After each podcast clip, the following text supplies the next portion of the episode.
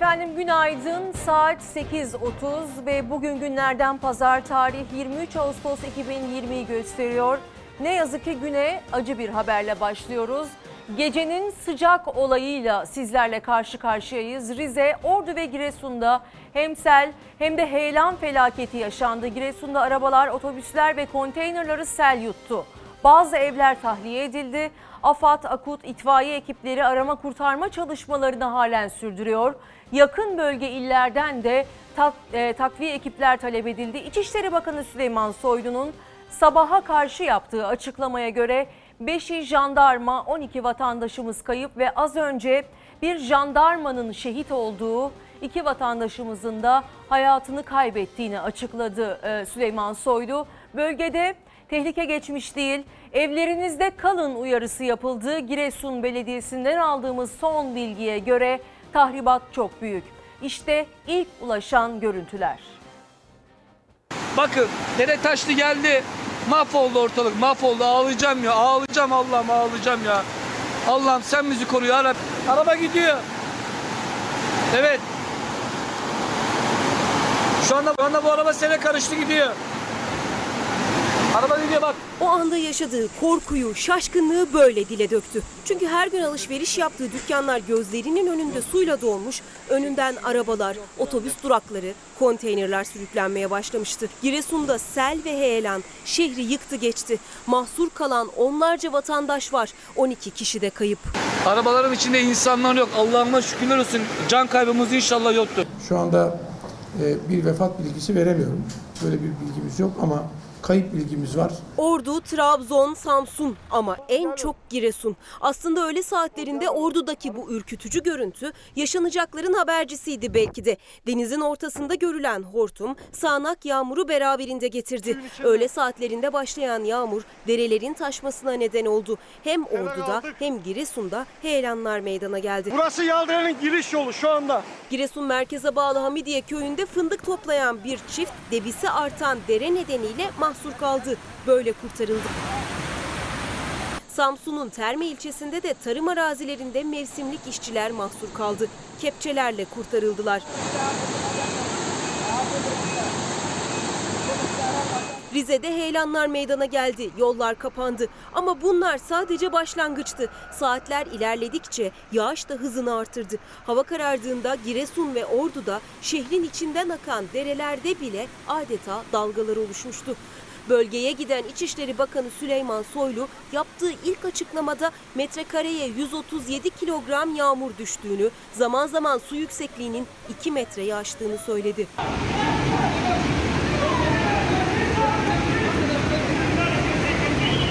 En çok Giresun'u vurdu. Dereli, Yağlıdere, Çanakçı, Doğankent. Hemen her ilçede onlarca köyle bağlantı kesildi. Yollar kapalı, karayolları ekipleri yolları açmak için çalışıyor. Arama kurtarma ekiplerinin ulaşmaya çalıştığı hala onlarca kişi var. Tirebolu Doğankent yolu üzerinde bir jandarma aracına da ulaşılamıyor. E, Doğan Kent'e giderken e, bir jandarma aracımız içerisinde 5 jandarmamızın bulunduğu araç e, 12. kilometresinde bir menfezde e, maalesef e, suların içerisine gömül olarak kaldı. Şu anda jandarma bölge komutanımız orada. Arama kurtarma timlerimiz orada. Aracı görüyorlar ama ulaşamıyorlar. E, ve yine orada e, bir iş makinesi, bir eskavatörde, bir e, operatör de e, yine maalesef kayıp.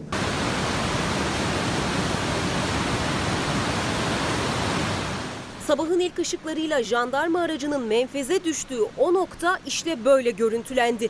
Gelen ilk görüntülerde yolun bir noktasının tamamen çöktüğü görülüyor.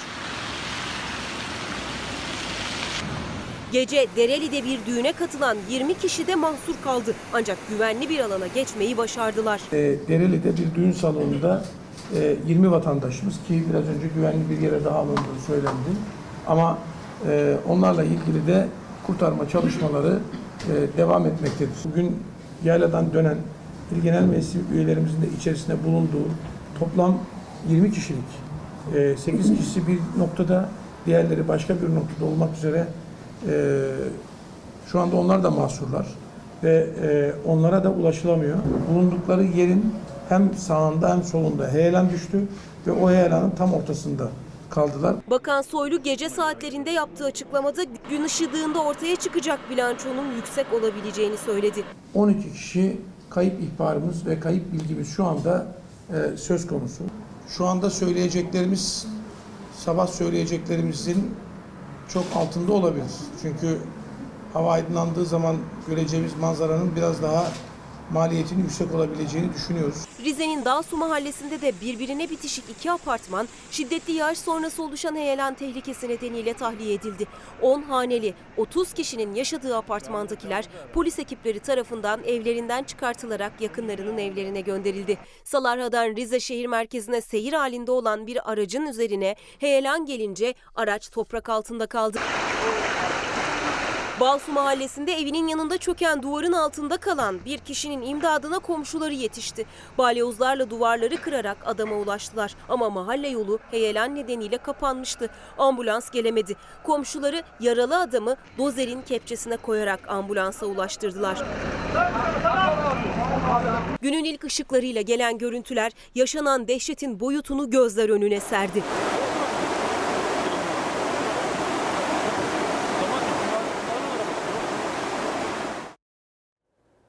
Büyük geçmiş olsun ve başımız sağ olsun. Ee, en son Süleyman Soylu'nun yapmış olduğu açıklamada e, 12 kaybın olduğu haberini e, bilgisini almıştık ve son e, almış olduğumuz bilgiye göre bulunamayan vatandaşlarımızın sayısı 12 idi ve son açıklamalara göre de bir askerimiz şehit oldu. İki vatandaşımızın da cansız bedenine ulaşıldı.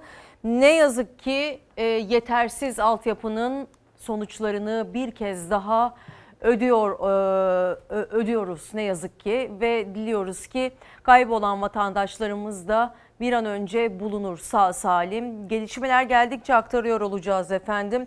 Meteorolojiden bugün içinde bir uyarı var.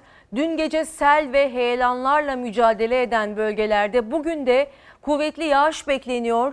Bazı noktalarda metrekareye 100 kilogramdan fazla yağış düşebilir.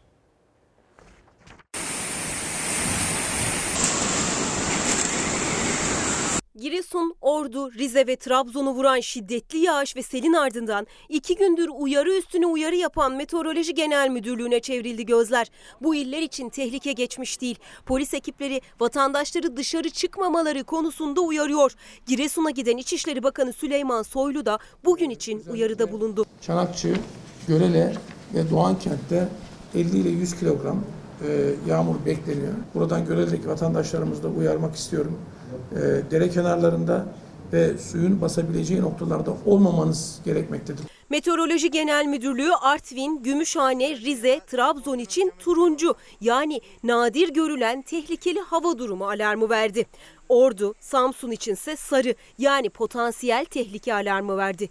Giresun içinse alarmın rengi hem turuncu hem sarı. Yağışların Rize, Artvin, Van ve Hakkari çevreleriyle Erzurum'un kuzeydoğusunda kuvvetli olması bekleniyor. Giresun, Trabzon, Rize ve Artvin'de ise zaman zaman aşırı yağış olabilir. Yani metrekareye 100 kilogramdan fazla yağış düşebilir. Sel, su baskını, yıldırım, heyelanlar meydana gelebilir. Geceki kabus tekrar yaşanabilir. Üstelik meteoroloji Doğu Karadeniz, Doğu Anadolu'nun batısı ve Güneydoğu Anadolu'da yağışa kuvvetli rüzgarın eklenebileceğini söyledi. Hava sıcaklığında önemli bir değişiklik yok. Doğu kesimlerde mevsim normallerinin altında, diğer yerlerde mevsim normalleri civarında seyredecek. Yurdun geri kalanındaysa az bulutlu ve açık bir gökyüzü var. Çalar Saat boyunca bölgeden haberler aktarmaya devam edeceğiz. Birazdan o bölgeyi yakinen takip edeceğiz ve oradaki arkadaşımıza bağlanacağız. Tekrar tekrar geçmiş olsun. Diliyoruz ki daha fazla can kaybı olmaz. Bu haberi sizlerle paylaşmak zorunda kalmayız. Ama dediğimiz gibi tüm itfaiye ekipleri, AFAD ekipleri, İçişleri Bakanlığı, valilikler e, diğer illerin de desteğini alarak bölgede arama kurtarma çalışmalarını sürdürüyor. Ne yazık ki güne bu acı haberle başladık ve yağışların bugün de devam edecek e, olması uyarısını da meteoroloji paylaştı. Ve ne yazık ki Türkiye'nin pek çok ilinden de e, yangın haberleri geldi. Peş peşe geldi. Antalya'nın Serik ilçesine itfaiye ekipleri büyük tehlike atlattı. Yangınla mücadele sırasında bir hortum oluşunca ekipler çok zor anlar yaşadılar. İşte o yangın anları. Antalya'nın Manavgat ilçesinde 2 saat içerisinde 4 farklı noktada orman yangını çıktı. Serik ilçesinde ise yangın sırasında çıkan hortum paniğe neden oldu. Adana Kozan'daki orman yangını ise hala söndürülemedi. Yurdun dört bir yanından yangın haberleri peş peşe geldi. Manavgat'ta 2 saat içinde 4 farklı noktada çıktı yangın. Ekipler hem havadan hem de karadan müdahalede bulundu. 3 noktada başarıyla söndürülen yangın Yeniköy mahallesinde de kontrol altındaydı ancak alevler yeniden yükseldi. Havanın kararmasıyla Yeniköy mahallesindeki orman yangınına havadan müdahale durdu. Söndürme çalışmaları karadan devam ediyor. Öte yandan Manavgat'taki yangınlara müdahale sırasında bir kişi alevlere çok yakın bir şekilde iki ağaç arasında oturdu. Sakince sosyal medya hesabından canlı yayın yaptı. Altında sadece şortla yangını görüntüleyen kişi bir süre sonra bölgeden yine aynı sakin tavırlarla ayrıldı. Antalya'nın Serik ilçesinde ise orman yangını sırasında hortum oluştu. Rüzgarın etkisiyle hızla yayılan alevlere bir de hortumun gücü eklendi. Korku dolu anlar kameralara yansıdı.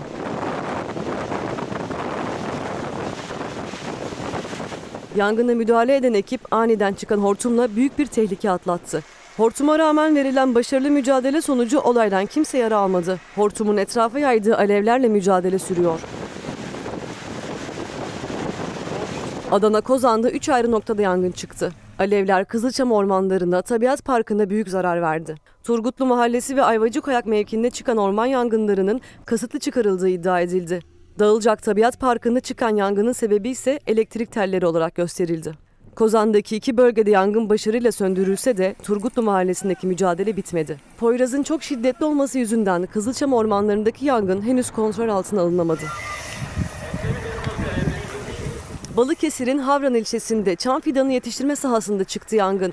Bölgeye çok sayıda yangın söndürme ekibi geldi. Hem karadan hem havadan müdahale sonucu alevler söndürüldü. İlk belirlemelere göre 3 dönümlük alan zarar gördü.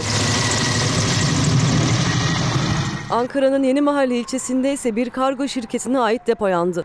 15 tır ve 10 dağıtım aracı hasar gördü. İtfaiye ekipleri yangına müdahale ettiği sırada zaman zaman patlamalar meydana geldi. Söndürme çalışmaları 2 saat sürdü. Felaketin yaşandığı bölgeye bağlanıyoruz. Şimdi hattın diğer ucunda Ahmet Bilge İhlas Haber Ajansı muhabiri var. Ahmet Bilge beni duyabiliyor musunuz? Evet duyuyorum. Ee, oradaki durumu ve sizin görmüş olduğunuz manzaraları bize aktarır mısınız? Evet e, dün e, saat 15.30 sıralarında Giresun'da etkili olan sağanak yağış pek çok ilçede hayatı olumsuz etkilemişti. E, özellikle Giresun'un Dereli ilçesi ve Yağlıdere ilçelerine ulaşım kapanırken dereler sel olmuş, e, cadde ve sokaklarda ne varsa götürmüş adeta cadde ve sokakları nehire çevirmişti. Ve bunun ardından e, dün gece saat e, 3 sıralarında Giresun'a İçişleri Bakanı Süleyman Soylu geldi ve bir açıklama yaptı. Ee, 20 kişinin mahsur kaldığını, 12 kişinin ise kayıp olduğunu söylemişti. Kayıp ihbarı geldiğini söylemişti. Bu 12 kişiden 5'i jandarma e, birisinin de iş makinesi operatörü olduğundan bahsetmişti. Ve e, jandarmalar e, Tirebolu'ndan Doğankent istikametine 12. kilometresinde menfezin üzerinden araçla geçmek üzereyken menfezin çökmesi üzerine sel sularına kapılarak Harşit Nehri'nde e, gözden kaybolmuşlardı. Ve şu anda da burada arama ve e, tarama çalışmaları devam ediyordu. E, biraz önce bir e, araca ulaşıldı. Aracın içerisinden bir askerin e, maalesef şehit olduğu e, üzücü haberi alındı ve askeri helikopterle birlikte Giresun Devlet Hastanesi'ne kaldırıldı. Yine kayıp ihbarı gelen 12 12 kişiden e, ikisinin de birisinin Dereli, diğerinin ise Espiye'den olmak üzere iki kişinin de cansız bedenine ulaşıldığı yönünde bilgiler edindik. Ama şu anda Harşit Vadisi'nde 5 askerin sel sularına kapıldığı bölgede arama tarama çalışmaları devam ediyor. Burada AFAD, AKUT, e, itfaiye ekipleri, deniz polisi, dalgıçlar ve pek çok yerden e, dere kenarının derenin de debisinin düşmesi nedeniyle dere içerisinde ve derenin dışındaki karada yaklaşık 12 kilometrelik deniz denize kadar olan bölgeyi havadan ve deniz e, dereden ve karadan taramaya devam ediyorlar. Merve. Ee, Ahmet Bilge e, hayatını kaybeden e, askerimizin adı soyadı belli mi şu anda? Şu anında onunla ilgili olarak herhangi bir açıklama e, yapılmadı. Kimlik bilgileri elbette vardır ama bize ulaşan bir bilgi şu anda yok.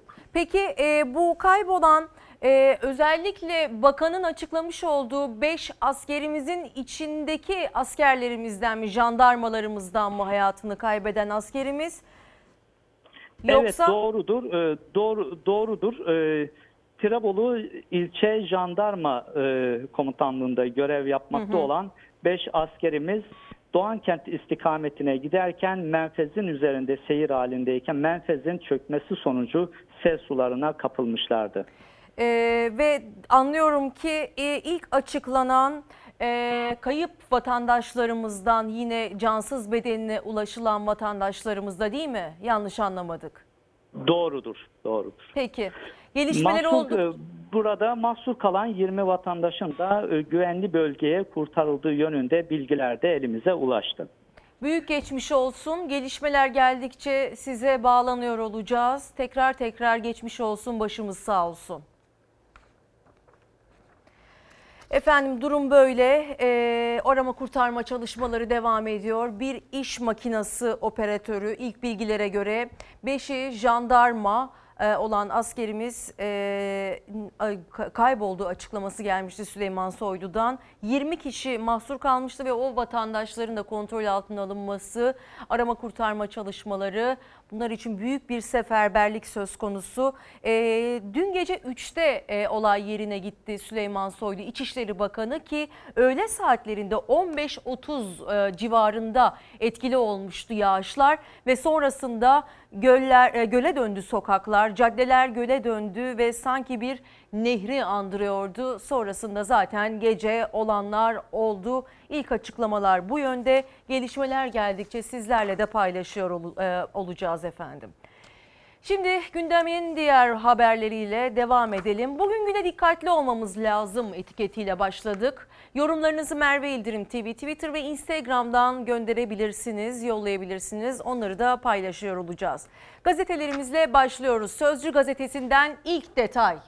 Aynı müjdeyi daha önce 8 kez vermişlerdi. Sözcü gazetesi yazarı Yılmaz Özdil'in iktidarın açıkladığı doğalgaz müjdesinin ardından başlıktaki yorumu yaptı ve örnekler verdi. İnşallah 9. doğalgaz müjdesi gerçekleşir dedi Yılmaz Özdil. 2014, 2004, 2006, 2007, 2009, 2010, 2011, 2012, 2013 yıllarında da yine aynı açıklama yapılmıştı.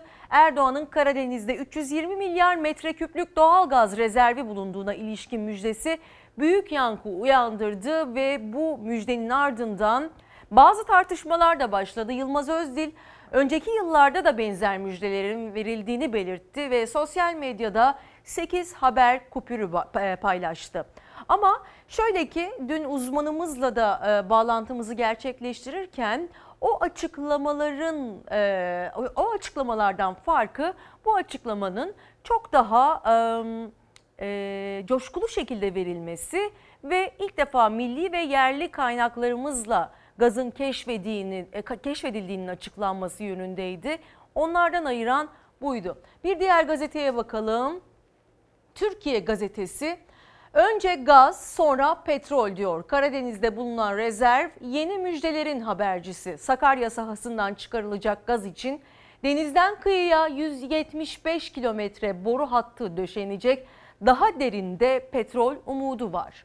Ve Türkiye elinin e, Rusların açıklaması Türkiye'nin elinin güçlendiği yönünde ve tabii ki bazı uzmanların yine e, görüşlerine göre 175 e, kilometre boru hattı döşenmesinin yanı sıra bir de Kanal İstanbul meselesinin yeniden gündeme gelmesinin büyük ihtimal ihtimaller dahilinde olduğu yönünde ve tabii ki de petrol umuduyla da yine uzmanlar aramalarını e, sürdürüyorlar. Hattın çıkış noktası Zonguldak'ta olacak bu arada. Türkiye'nin Karadeniz'de bulunduğu 320 milyar metreküplük doğalgazın karaya nasıl ulaştırılacağı ile ilgili detaylarda işte Türkiye gazetesinde biraz olsun özetlenmiş oldu. Bir diğer gazetemize geçelim. Analiz gazetesi. Petrol aramaları hızlandırılacak. Karadeniz'de bulunan 320 milyar metreküplük doğalgaz rezervi Türkiye'nin yaklaşık 7 yıllık doğalgaz ihtiyacını karşılarken enerji faturasını da 70 milyar dolara yakın azaltmış olacak. Türkiye'nin geçen yıl iç piyasada tükettiği doğalgaz miktarı yaklaşık 45.3 milyar metreküp düzeyinde. Bu da Fatih sondaj gemisiyle Tuna 1 kıyısında gerçekleştirilen sondajda keşfedilen 320 milyar metreküp doğalgaz rezervinin Türkiye'nin yaklaşık 7 yıllık ihtiyacını karşıladığı ortaya çıktı. Rezervin Türkiye'nin cari işlemler hesabına 70 milyar dolara yakın bir katkı sağlayacağı hesaplanıyor. Ee, ve tabii ki çeşitli uzman görüşleri var ki bu uzman görüşleri e, 2000, e, 2023 yılına kadar bu o, sondaj çalışmasının yetişmesinin mümkün olmayacağı görüşünde dünyada çünkü bu kadar kısa süre içerisinde bunu başaran hiçbir ülke olmadı. Diliyoruz ki başarabiliriz bizler. Belki bir e, ilki gerçekleştiririz ama dediğimiz gibi çeşitli uzman görüşleri var ve hepsine yer vermeye gayret ediyoruz. Aynı zamanda tabii ki dün e, bizlerle tüm detayları paylaşan bir uzmanımız daha vardı dün ama a, o uzmanın görüşlerine geçmeden önce e, bu rezervin detaylarına bakalım. Öncelikle ne gibi gelişmeler olmuştu? Tekrar gözden geçiriyoruz. Fatih 320 milyar metreküp doğal gaz rezervi keşfetmiş durumda. Bu miktardaki gazın yaklaşık değerinin 65 milyar dolar olacağını söyleyebiliriz. Bulunan miktar 320 milyar metreküp. Parasal karşılığı yaklaşık 65 milyar dolar. Türkiye'nin Karadeniz açıklarında bulduğu doğal gaz rezervine ilişkin Enerji Bakanı Fatih Dönmez, miktarın 320 milyar metreküple sınırlı kalmayıp yeni keşifler yakalanabileceğinin sinyalini verdi. Beyazla boyadığımız bir alan var. Biz burada 2000 kilometre karelik bir sismik çalışma yaptırdık. Potansiyeli en yüksek olan sahada ilk sondajımızı yaptık. Şu bölgenin tamamı 8000 kilometre kare. Tespit kuyuları, yeni keşif kuyuları da açıklayacağız. Beklentimiz bunu yukarı yönlü revize edecek şekilde olacak. Peki Türkiye'nin bulduğu 320 milyar metreküplük doğal gaz rezervi ne anlama geliyor? Bugünkü rakamlarla 65 milyar doları bulan rezervin maddi değeri Türkiye'nin ne kadarlık gaz ihtiyacını karşılıyor?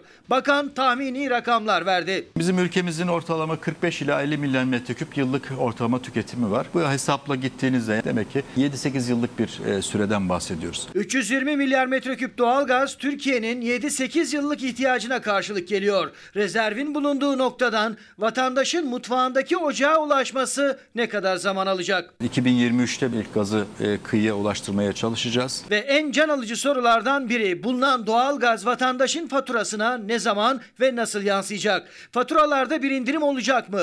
Bakan net konuşmadı ancak ithal gazdan ucuz olacağını söylemekle yetindi. Malın bol olduğu yerde fiyatların düşmesinin kaçınılmaz olduğunu söyleyebiliriz. Her halükarda kendi üreteceğimiz gazın ithal edeceğimiz gaza göre daha ekonomik olacağını bugünden söyleyebiliriz. Vatandaşlarımız o konuda müsteri olsunlar. Çok daha ekonomik fiyatlarla bu ürünü kullanabileceği bir altyapıyı da oluşturmuş oluyoruz. Rezerv bulunduğu 2023 hedefi için kollar sıvandı. Bakan Dönmez, üretiminden tüketimine uzanan zincirde nakil boru hattının kurulması dışında yerli ve milli çalışma yapılacağının altını çizdi. TRT'de katıldığı programda. Bir boru hattı çekimi yani kıyıya ile alakalı bir husus var. Uluslararası ölçekte bir ihale etmek suretiyle e, o işler yapılacak. Ama onun dışında işletme tamamen Türkiye Petrolleri üzerinden olacak. Kıyıya geldikten sonra ana iletimini BOTAŞ bizim diğer milli kuruluşumuz kaynaktan evinizdeki ocağa kadar yerli milli imkanlarla bu gazı işletip evinize kadar getirme imkanına sahibiz. Hazine ve Maliye Bakanı Berat Albayrak Türkiye'nin eksenini değiştirecek buluş dedi rezervler için ve cari açığı da kapatacağını hatta artıya geçeceğini söyledi. Enerji Bakanı dönmezse daha temkinli konuştu. Son 10 yıl ortalamasına baktığımız zaman doğal gaz ve petrole ödediğimiz para yaklaşık 40 milyar dolar seviyesinde. Bunları azaltacağız. Bunların azalması demek yurt dışına daha az para ödeyeceğiz demek. Demektir. Dolayısıyla da cari açığa pozitif katkısı olacak. Müjdesi verildi, tahmini rakamlar, hedefler ortaya konuldu. Şimdi gözler vatandaşın faturasına kadar yansıyacak 3 senelik süreçte. Ve akşam gazetesiyle devam ediyoruz. Türk gazı böyle taşınacak. Ee, Başkan Erdoğan'ın açıkladığı Karadeniz'deki dev rezerv için 4 aşamalı plan uygulanacak. Hedef Cumhuriyet'in 100. yılında Türkiye'yi yerli gazla buluşturmak diyor Akşam gazetesi. Önce harita çıkarılacak. İkinci aşamada platformlar kurulacak ve üçüncü aşamada ise özel tesisle arındırılacak. Doğalgazı borulara vermek için arındırıcı tesis inşa edilecek ve böylece gaz çıkarıldığı zaman içinde bulunan sülfür ve su gibi yabancı maddeler ayrıştırılmış olacak. Boru hattı döşenecek. Son olarak gazın Türkiye kıyılarına çıkarılması için boru hattı döşenmesine başlanacak. Boru hattının 150 kilometre mesafesindeki Zonguldak'a uzatılması öngörülüyor ve e, aynı zamanda hemen yan tarafta Cumhurbaşkanı Erdoğan'ın almış olduğu tebrik haberinin de detayları var. Dünya liderleri büyük keşif için Başkan Erdoğan'ı arayarak tebrik ettiler. Filistin Devlet Başkanı Abbas ve Ukrayna Devlet Başkanı e, Zelenski e, Erdoğan'la telefonda konuştu ve Azerbaycan Devlet Başkanı Aliyev mektupla tebrik etti. Pakistan Cumhurbaşkanı Alvi de Twitter'dan Cumhurbaşkanı Erdoğan'ı tebrik etmeliyim maşallah ifadesini kullandı. Bu arada sondaj gemileri Fatih, Yavuz ve Kanuni ile sismik araştırma gemileri Oruç Reis, Barbaros ve Doğu Akdeniz ve Karadeniz'de çalışmalarını da aralıksız sürdürüyor. Ee, tabii ki en e, heyecanlı beklenen durum vatandaşın daha ucuz doğalgaza olan erişimi, enerji kaynaklarının bulunmasındaki en önemli mesele tüketici cephesinden baktığımızda daha ucuza e, ısınabilmek, daha ucuz faturalarla karşılaşabilmek ve Türkiye'nin artık kimseye ihtiyacı yok diyen enerji uzmanları da var ama tabii ki bu açıklamaların yanı sıra bazı uzmanlar da şu an için bu planlamanın yapıldığı e, sürece dikkat çekiyorlar ve her şey için aslında çok erken mesajı veriyorlar.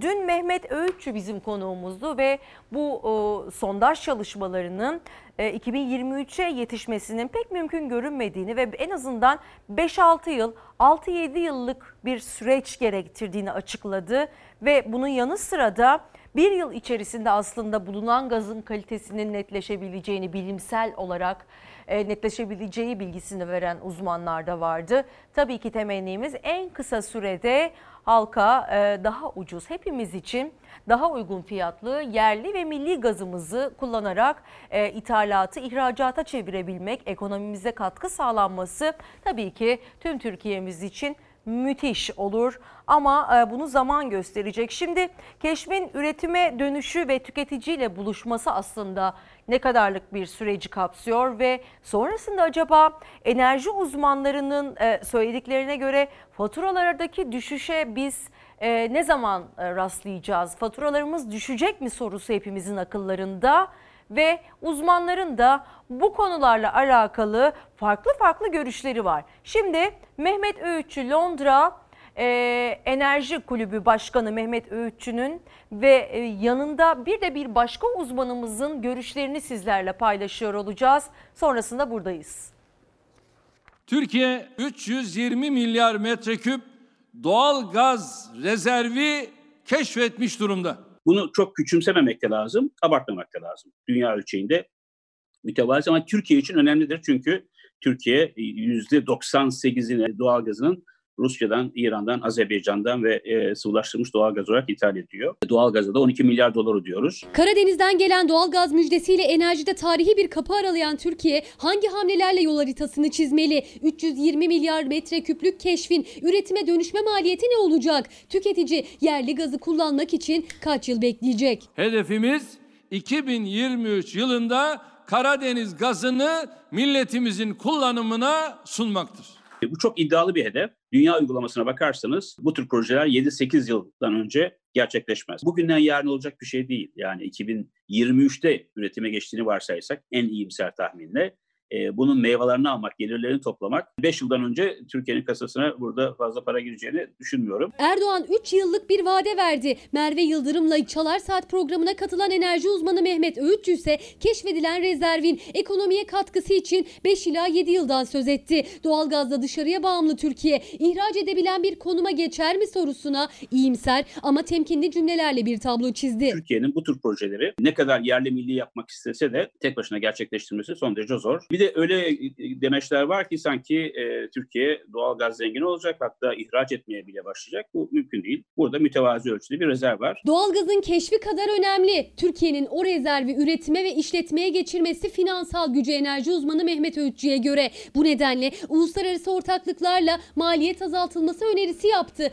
Tahmini bir fatura çıkararak. Bir kuyunun açılması 200 milyon doları buluyor. Bu çıkartılan gazda kükürt oranı yüksekse eğer onun işlenmesi için gereken sadece tesise biz 2-3 e, milyar dolarlık bir değer biçiyoruz genellikle. Daha bunun şeyi var, boru hattıyla kıyıya getirilmesi var, dağıtımı var. Hedef 2023 yılında yılda 50 milyar metreküp tükettiği gazı üreterek tüketiciyle buluşturmak. Ama Rusya, İran ve Azerbaycan başta olmak üzere gaz ithalatı yapılan ülkelere Türkiye anlaşmalarda gaz keşfi kartını açabilecek mi? Tüketicinin faturaları ödediği miktar azalacak mı? Doğalgazı çok pahalıya alıyoruz. En pahalıya aldığımız ülke İran. İkinci e, ağır faturayı Rusya ödüyoruz. Sonra Azerbaycan geliyor. Tek belki avantaj şu olabilir. Bazı kontratların süresi sona eriyor. Eğer bulursak yeni gaz, yeni sözleşme yapmak zorunda kalmayız ya da çok esnek, kısa vadeli sözleşmeler yaparız. Türkiye doğal gaz aldığı ülkelerle masada bir koz elde etti. Türk akımı kontratlarında indirim bekliyorum. Türkiye'nin keşfettiği gazı üretime dönüştüreceği takvimi zaman gösterecek ama uzmanlara göre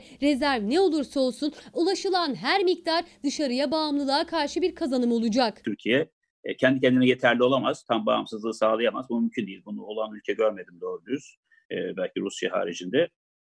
Ama e, azaltırsak bu bağımlılığı yüzde 60, yüzde 70 belki yüzde 50 düzeyine e, bu çok büyük bir başarı sayılacaktır. Gazetelerimizle devam ediyoruz. İstiklal gazetesinden bir detay. Seçimin ayak sesleri diyor İstiklal gazetesi. Ee, Ayasofya yerli otomobil ve ardından tahmini doğalgaz müjdesi verildi. 3-4 ay önce FETÖ'cü ve PKK ile işbirliği içinde olduğu iddia edilen İyi Parti'nin yerli ve milli olduğu Sayın Cumhurbaşkanımız tarafından fark edilerek ifade edildi. Hazine Bakanımız tarafından dolarla işimizin olmadığı belirtildi. Amerika Birleşik Devletleri Başkan adayı Biden fırçalandı. Böylece dış güçlerin ağzının payı verilmiş oldu. Anlatıldığı kadarıyla seçimin ayak sesleri duyulmaya başlandı. Mustafa Nihat Yükselir'in yazısından birkaç detay bu haber müjdeli mi? Sevinmeye değer mi sorusunu soruyor yazar ve müjde bir tahminden ibaret bol bol müjde verilmişti. Peki sevinmeyelim mi gibi sorular da e, söz konusu. AKP'de gaz ihtiyacı yorumları da yapılıyor ve ihtiyatlı olmak gerektiğinin de vurgulandığını görebiliyoruz gazetede.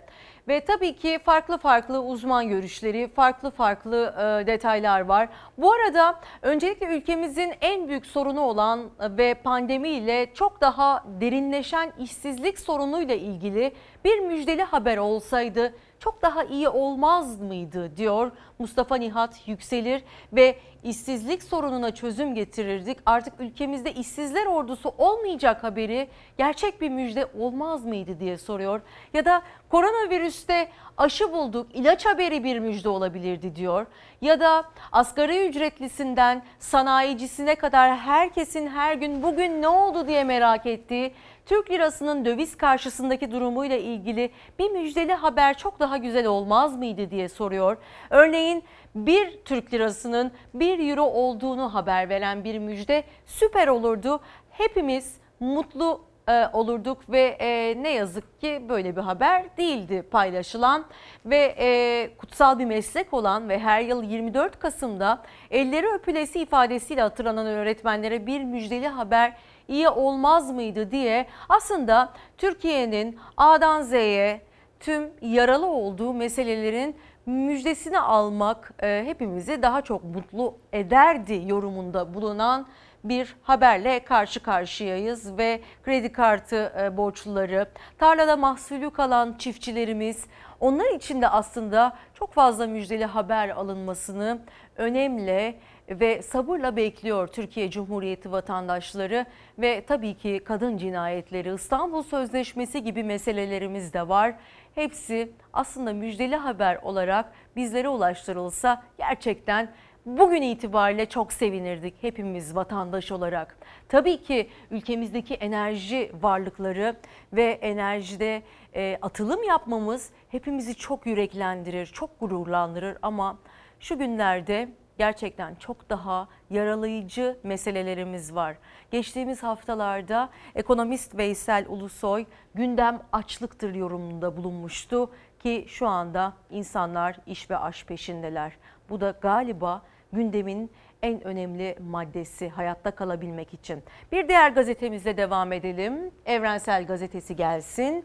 Evrensel Gazetesi'nden de yine e, bu gaz 2023'ü kurtarmaz yorumunu görüyoruz. Karadeniz'de bulunduğu, e, bulunduğu açıklanan 320 milyar metreküp doğalgaz rezervi Amerika Birleşik Devletleri'nin bir yıllık doğalgaz ücretinin üretiminin sadece üçte biri. Rusya'nın üretiminin ise yarısından az. Lig değiştirdik, eksen değiştiriyoruz gibi iddialar boş laftan ibaret. Bu müjdenin Erdoğan ve partisini 2023'e kadar taşıması ise mümkün değil diyor İhsan Çaralan.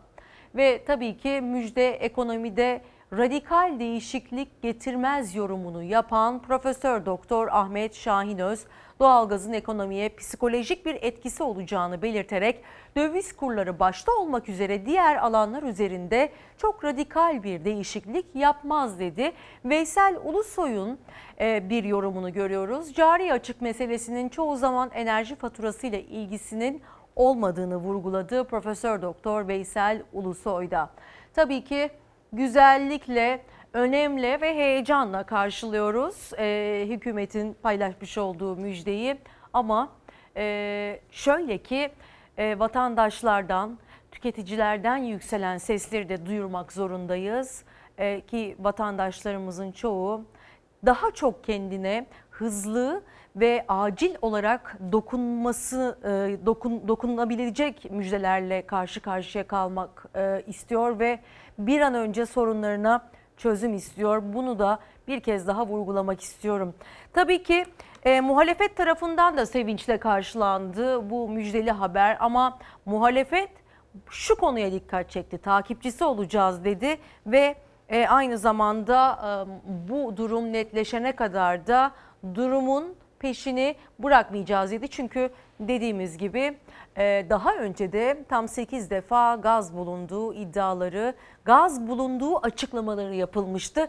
Tabii ki diğerlerinden çok farklı bir açıklamaydı. En başta milli ve yerli e, sondaj gemilerimizle, sismik araştırma e, gemilerimizle bu faaliyet gerçekleştirildi.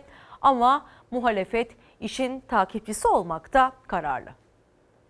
Her faydalı iş, faydalı atılan adım, işte gaz bulunduğu, gazın Türkiye'ye getireceği fayda gibi her konuda elbette çok memnun oluruz. Tarihimizin en büyük doğal gaz keşfinin ülkemize ve milletimize hayırlı olmasını diliyorum. Ülkemizin başarısıyla gururlanamayanlar ve milletimizin sevinciyle sevinemeyenler var. Onlara da ülkemizin başarısıyla gururlanma ve milletimizin sevinciyle sevinme duygusu nasip olmasını diliyoruz. AK Partili Ömer Çelik sevinmeyenler var dedi, okları muhalefete çevirdi. CHP Genel Başkanı Kemal Kılıçdaroğlu Karadeniz'de doğal gaz rezervi ile ilgili henüz ses vermedi ama enerji politikalarından sorumlu Genel Başkan Yardımcısı Ahmet Akın CHP'nin sevincini paylaştı. Türkiye Cumhuriyeti'nin vatandaşı olarak hepimizi mutlu eder.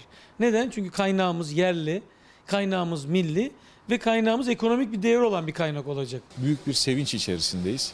İnşallah yapılan tespitler devamında e, çok daha büyük kaynaklara erişeceği kanaatindeyiz. Bahçeli de rezervle ilgili konuşmadı ama Cumhurbaşkanı'nın açıklamasından sonra MHP'nin sosyal medya hesabından Çırpınırdı Karadeniz türküsüne atıfla bir paylaşım yapıldı. Çırpınırdı Karadeniz bakıp Türk'ün bayrağına 320 milyar metreküplük doğal gaz rezervi iktidarıyla muhalefetiyle siyaset cephesinde sevinçle karşılandı. İyimser ama temkinli açıklamalarsa muhalefetten geldi. CHP müjde vatandaşın faturalarına nasıl yansıyacak diye sordu. Uluslararası doğalgaz alım sözleşmeleri revize edilsin çağrısı yaptı. Eğer bu imkan 3 yıl içinde ortaya konacaksa dediğimiz şudur. Madem bu potansiyel bizde mevcut, bu potansiyelle birlikte yapılan uluslararası anlaşmalar tekrar görüşülmeli. İki katı para ödediğimiz doğalgazın artık fiyatının gerçek fiyatına inmesi. İyi Partili Ümit Dikbayır ise rezerve şüpheli bakışını bu 8. müjde sözleriyle ortaya koydu. 18 yıllık iktidarda sık sık lazım oldukça seçim yaklaştıkça özetle Türkiye tarihinin en çok keşfedilen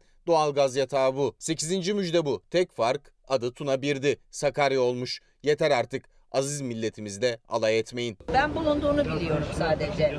Sizce ne kadar süre e, sonra aktif hale gelecek ben onu bilmiyorum. Siz biliyor musunuz? Şimdi yapılması gereken bu doğal gaz kaynağı ile ilgili fizibilite, sondaj ve üretim çalışmalarını şeffaf bir şekilde kamuoyuyla paylaşmak ve gereken adımları atmaktır. Doğal gaz kaynağının 3-5 şirkete değil, milletimiz hayrına kullanılabilmesi için atılan her adımı yakından takip edeceğiz. Tahmini rezerv verisi dışında herhangi bir bilgi kamuoyuyla paylaşılmadığı için rezervin ekonomimize katkısını ölçümlemek şimdilik mümkün değil. Şeffaf yönetim ilkesi gereği en kısa zamanda detayların açıklanmasını temenni ediyoruz. Muhalefetin şeffaflık uyarılarına karşın Cumhur İttifakı'ndan gelen açıklamalarda mavi vatan vurgusu dikkat çekti. Mavi vatan bir damlası bile feda edilmeyecek bir vatandır. Sondaj çalışmalarımız Ege, Marmara, Karadeniz'deki egemenlik sınırlarımızın korumalarını, arama ve sondaj çalışmalarını yapacağız. Büyük bir hesaplaşmanın bölgesinde görüldüğü bir süreç içerisinde e, Türkiye'nin elini çok daha güçlendirecek bir e, imkan doğuracaktır. Müjdenin sevinci ortak payda oldu ama iktidarla muhalefet arasındaki çizgiyi asıl bundan sonra atılacak adımlar belirleyecek. Şanlıurfa'dan Yakup Turgut diyor ki e, neden bütün vaatler 2023'ü işaret ediyor? Ben bunu merak ediyorum diyor. Bir seçim kampanyası olabilir mi görüşünde sorusunu sorgulayan vatandaşlarımızdan biri. Keşke tıkanmış siyasete, adaletsizliğe, ekonomiye, işsizliğe ve toplumsal cinsiyet eşitsizliğine yönelik bir müjde verilebilseydi e, vaadinde, e, dileğinde bulunan bir izleyicimiz daha var. Ve bir mesaj daha Mehmet Bey'den hükümet her türlü kötü hadiseler olduğunda e, zorluklar karşısında kendince bir şeyler oluşturuyorlar ve gündeme getiriyorlar. Bu şeyler her ne hikmetse 2023'ü işaret ediyor. Ben mecburi oy vermeye yönelik olan adımlar olduğunu düşünüyorum diyen izleyicilerimizden biri Mehmet Bey. Merve İldirim TV Twitter ve Instagram'dan yazıyorsunuz efendim mesajlarınızı. Dikkatli olmamız lazım hashtag ile tabelasıyla güne başladık ve tekrar tekrar günaydın dileklerimizi iletiyoruz. Güne ne yazık ki e, acı bir haberle başladık. Giresun'daki özellikle Giresun'daki Karadeniz'de e, Rize ve Ordu'da da sel felaketi, heyelan felaketi yaşandı ama Giresun'da durum ciddi. E, Süleyman Soylu gece 3 itibariyle Giresun'daydı ve kaybolan e, vatandaşlarımızın da izini sürüyor arama kurtarma e, ekipleri. Az önce bir bağlantı gerçekleştirdik. Yine görüntüler gelmeye devam ediyor ve ne yazık ki acı görüntüler. 3 e, vatandaşımız şehit oldu. Bir askerim üç, bir askerimiz şehit oldu. İki vatandaşımız hayatını kaybetti ve kaybolan vatandaşlarımızın da olduğunu bir kez daha hatırlatmış olalım. Geçmiş olsun, başımız sağ olsun. Gelişmeler geldikçe sizlerle paylaşıyor olacağız. Erdoğan dün e, Üsküdar'daydı ve gece vatandaşlarla buluştu. Bakalım Erdoğan ne gibi faaliyetler içerisindeydi? Dün e, gün içerisinde Filistin Devlet Başkanı ve Ukrayna Devlet Başkanı'yla telefonda görüştü Erdoğan ve sonrasında da Hamas Siyasi Büro Başkanı Heniye ve beraberindeki heyetle birlikte Vahdettin Köşkü'nde görüşmeler gerçekleştirdi. Sonrasında e, görüşmelerin ardından e, Üsküdar'da bir restoranda yemek yedi. Zaten fotoğraf karesinden de görüyorsunuz. Bu arada birlikte olduğu, masada oturduğu herkesin ağzında maskesi vardı. E, tedbirlere uyuldu ve restoranda yemek yedikten sonra da vatandaşlarla sohbet etti. Sonrasında da işte böyle görüntüler ortaya çıktı.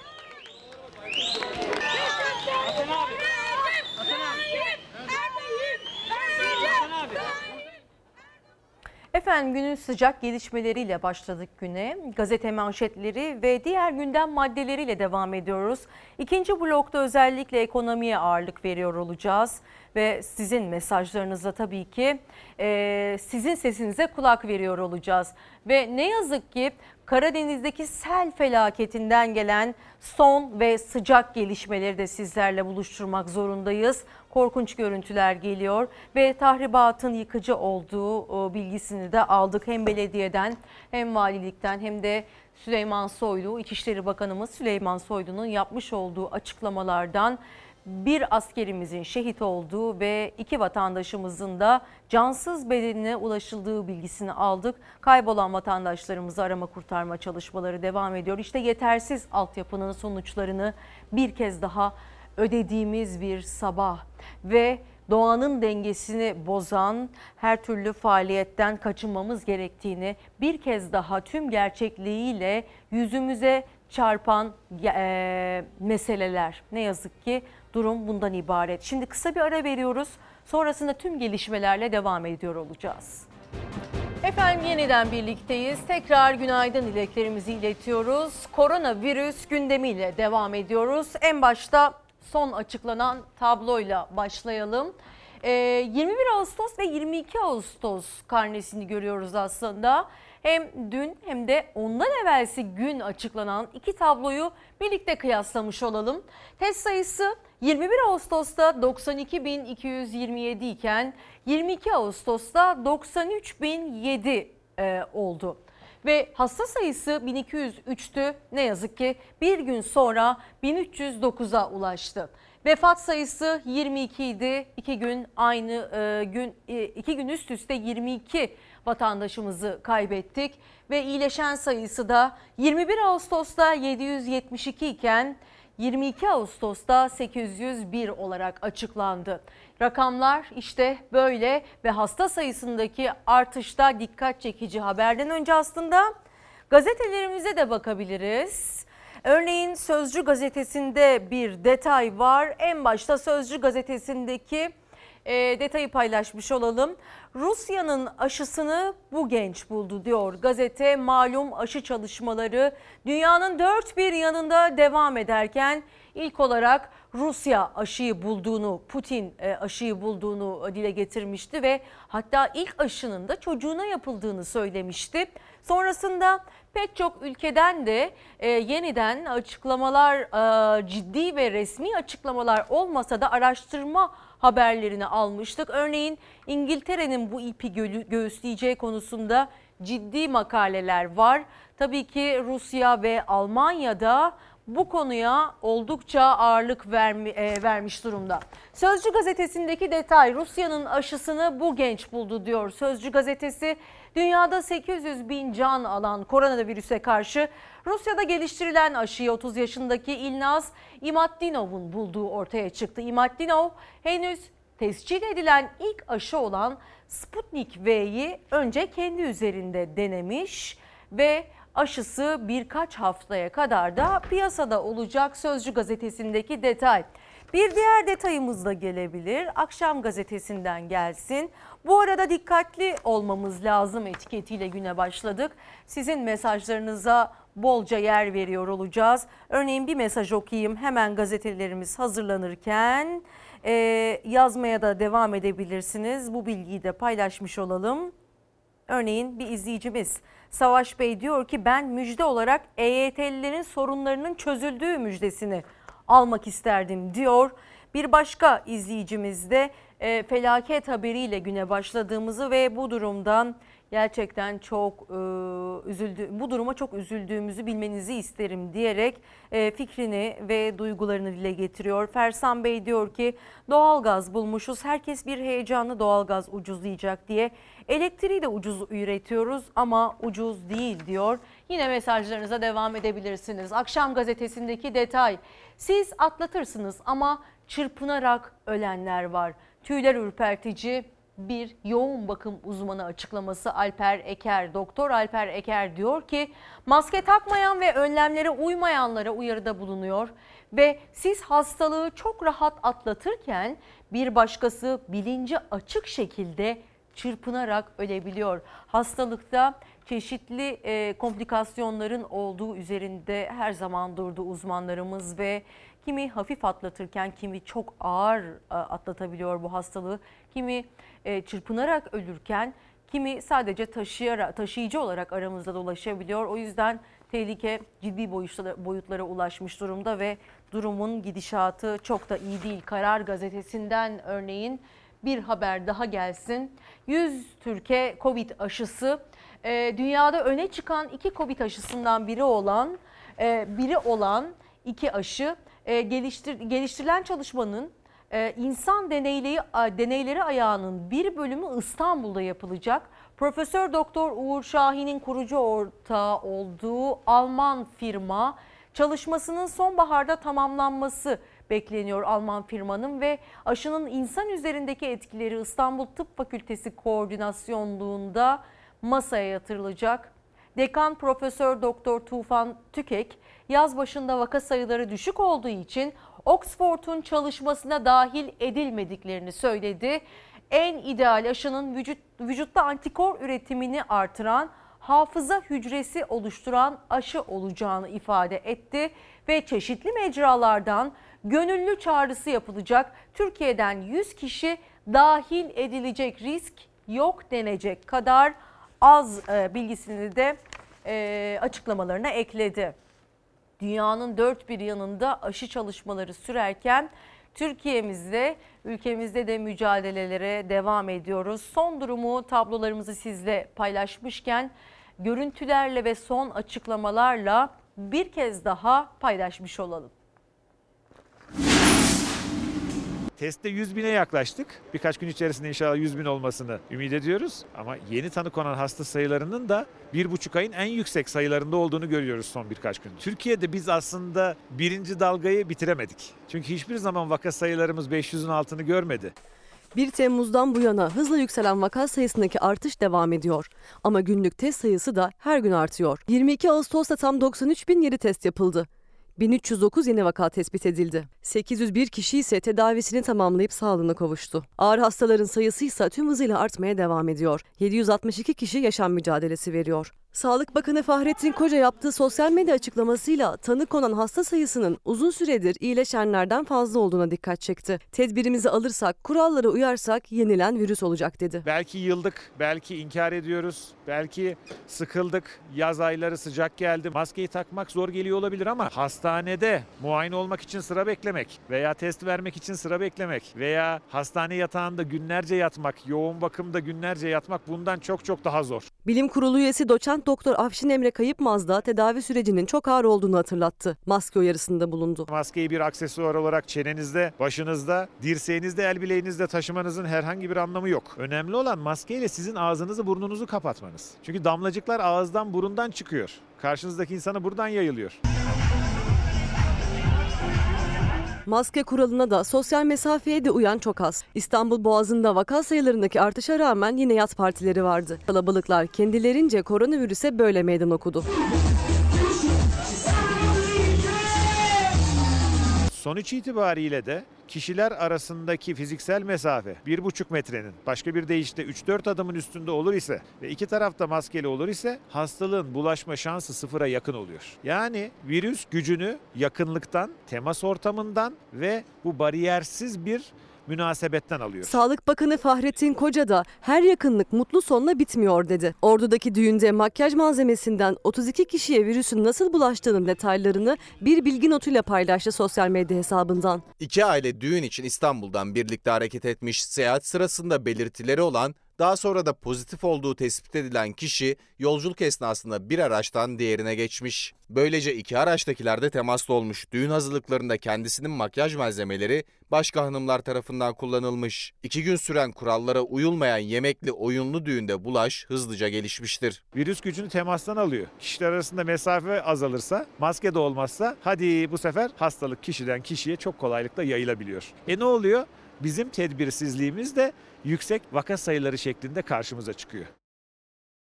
Yeni Mesaj gazetesinden bir başka detay. Birinci dalga daha bitmedi. Vaka sayısının 256 bine yaklaştığı, can kaybının ise 6080'e ulaştığı ülkemizde uzmanlar tarafından koronavirüs salgınıyla ilgili kritik uyarılar yapılıyor. Türkiye'de salgının birinci dalgasının bitmediğini ifade eden Bilim Kurulu üyesi doçent doktor Kayıpmaz, sosyal mesafe tedbirlerine uyulmasının ve maske kullanımının önemine dikkat çekti. Afşin Emre Kayıpmaz'ın az önce e, açıklamalarını da sizlerle paylaştık. Maskenin takılması şart ama mesafe ve hijyen kurallarına uymayan milyonlarca insan var. Hepimiz birbirimizin hayatından sorumluyuz ve bu gerçeği kabullenmek zorundayız. Biz bu gerçeği kabullenmediğimiz ve hayatımızı bu kurallar dahilinde sürdürmediğimiz sürece endişelenmeye ve tedirgin olmaya da devam edeceğiz. Dünya ile birlikte hepimiz bir mücadele içerisindeyiz. Sağlık çalışanlarımız çok yorgun ve büyük mücadele veriyorlar ki önümüzdeki süreçte kapasitenin de çokça aşılabileceğinin üzerinde duruyor sağlık çalışanlarımız. Çünkü gerçekten hasta sayısı oldukça yüksek ve yetişmekte zorlanıyorlar. Bu bilgiyi de paylaşmış olalım. Diğer gazetemizde gelsin. Evrensel Gazetesi'nden başka bir detay. Türkiye salgınla mücadeleyi bırakmış durumda diyor Evrensel Gazetesi. Virüsün kontrolsüzce yayıldığına dikkat çeken Türkiye Tabipler Birliği Başkanı Sinan Adıyaman salgın yönetimini eleştirdi. Adıyaman iktidar salgınla mücadeleyi tamamen bireylerin inisiyatifine bıraktı dedi. Turkuaz tablo gerçekleri yansıtmıyor iddiasında bulundu. Hayat Ale Sağır kampanyasının yerini krediyle tatil yapın çağrıları aldı. Sonra da e, fiziksel mesafeye dikkat deniliyor dedi. Evde tedavi, kalabalık aile yapısı ve yeterli filyasyon takibi yapılmaması nedeniyle vakaları daha da artırıyor. Kamuda yoğun bakımlar dolu ama yoğun bakım kapasitesinin %41'inde %41'ine sahip özel hastaneler Covid hastası kabul etmiyor. Sağlık çalışanlarında değersizlik duygusu oluştu. Özlük haklarının geliştirilmesiyle ilgili en ufak bir adım yok. Sağlık emekçilerinin de Bakan Fahrettin Koca'ya bir seslenişi var. Bir daha yaşanmasın diye ne yapacaksın? Nöbete giderken evde yalnız bırakmak zorunda kaldığı iki çocuğunu yangında kaybeden Fatma hemşirenin yaşadığı acı sağlık emekçilerinde derin bir üzüntüye yol açtı. Çalışırken özellikle nöbete giderken çocuklarını bırakacak yer bulamadıklarını söyleyen sağlık emekçileri 7-24 açık 7-24 e, açık ve ücretsiz bakım merkezleri taleplerini hatırlattı Sağlık Bakanı Fahrettin Koca'ya. Baş sağlığıyla yetiştirilemez bir daha yaşanmaması için ne yapılacak e, diye seslerini duyurmaya çalıştılar. Tabii ki sağlık emekçilerinden böyle acı haberlerle de karşılaşınca daha çok içimiz burkuluyor ve onların yaşadıkları ve geçirdikleri bu sürecin tek başına e, mücadelesinin verilmesinin hiç kolay olmadığını da hatırlatmak istiyoruz bir kez daha. Dünyada da durum tabii ki aynı ama en azından kendi sağlık çalışanlarımıza baktığımızda maddi manevi çok yıpranmış durumdalar ve emeklerinin karşılığını alamıyorlar. Buradan bir kez de biz onların adına Sağlık Bakanımız Fahrettin Koca'ya onların sesini duyurmuş olalım. Şimdi dünyaya bakacağız efendim. Avrupa'da tekrar patlak verdi koronavirüs ve Güney Kore'de de ikinci dalga endişesiyle sokağa çıkma kısıtlamaları başladı. İşte dünyadaki son gelişmeler. Güney Kore ikinci dalga paniği yaşıyor. Hükümet ülke çapında yeni kısıtlama kararları aldı. Dünya Sağlık Örgütü koronavirüs salgınının bitişi için tarih verdi. Uh, Salgının iki yıldan az bir süre içinde bitmesini umut ediyoruz. Dünyayı saran Covid-19 kabusunda can kaybı 810 bine yaklaştı. 23 milyon 379 bin kişi virüse yakalandı. Sağlığına kavuşanların sayısı 16 milyonu yükseldi. Dünya Sağlık Örgütü Genel Direktörü pandeminin 2 yıldan daha kısa bir sürede biteceğini umut ediyoruz dedi. Daha önce salgında başarılı mücadelesiyle bilinen Güney Kore ikinci dalgayla yüzleşti. Son 9 gün boyunca 300'den fazla kişi virüse yakalandı. Tehlikeli artış üzerinde hükümet başkent Seul'da uygulanan sokağa çıkma kısıtlamalarını ülke geneline yaydı. Kısıtlamalar dahilinde kilise ve eğlence mekanları kapatılacak. Kalabalık toplantılar yapılmayacak. Avrupa'da halkın maske takmaması ve sosyal mesafe kurallarına uymamasıyla salgın kontrolden çıktı. İspanya'da son 3 gündür vaka sayıları 3000'in üzerine çıktı. Fransa'da son 24 saatte 4586 kişi virüse yakalandı. Almanya'da da yeni vakalar son 4 ayın zirvesini gördü. Bir günde 2000'den fazla kişi de virüs tespit edildi. İtalya'da 3 ayın ardından en yüksek vaka sayısıyla yüz yüze geldi. Bir günde 845 kişi virüse yakalandı. Hastalığın görülme yaşı geçen ay 60'ken bu ay 30'a düştü. Öte yandan İtalya'da plajlarda ve denizlerdeki doluluk oranı endişeleri yükseltti. Koronavirüsten en ağır etkilenen ülkelerde ölüm ve vakalar hızla artıyor. Amerika Birleşik Devletleri'nde can kaybı 180 bini geçti. Bugüne kadar 5 milyon 800 binden fazla kişi virüse yakalandı. Dünyada en çok vakanın görüldüğü diğer ülkelerse Brezilya, Hindistan ve Rusya. Komşu İran'da can kaybı 20 bini aştı. Cumhurbaşkanı Ruhani koronavirüs nedeniyle her 7 dakikada bir ölüm yaşandığını söyledi. Sosyal mesafe ve hijyen kurallarına uyulmazsa 3. dalga yaşanabilir uyarısı yaptı. Ruhani ülkenin durumunu 8 yıl süren ve 1 milyon kişinin öldüğü İran-Irak savaşındaki günlere benzetti. Doğru Haber gazetesinden bir detay e, geliyor.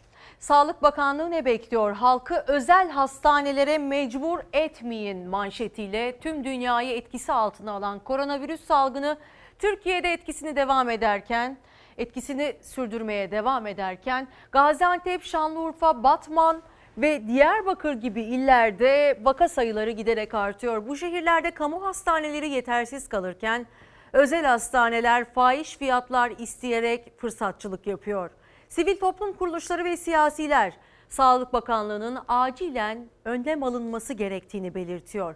Bizden günlüğü 1000 TL olmak üzere 5000 TL peşin para aldılar diyen bir açıklama var. Kamu hastanesinde yer olmadığı için Covid-19 hastane, hastası annesini kentteki özel bir hastaneye getiren vatandaş hastanenin kendilerinden gecelik 1000 lira talep ettiğini söyledi.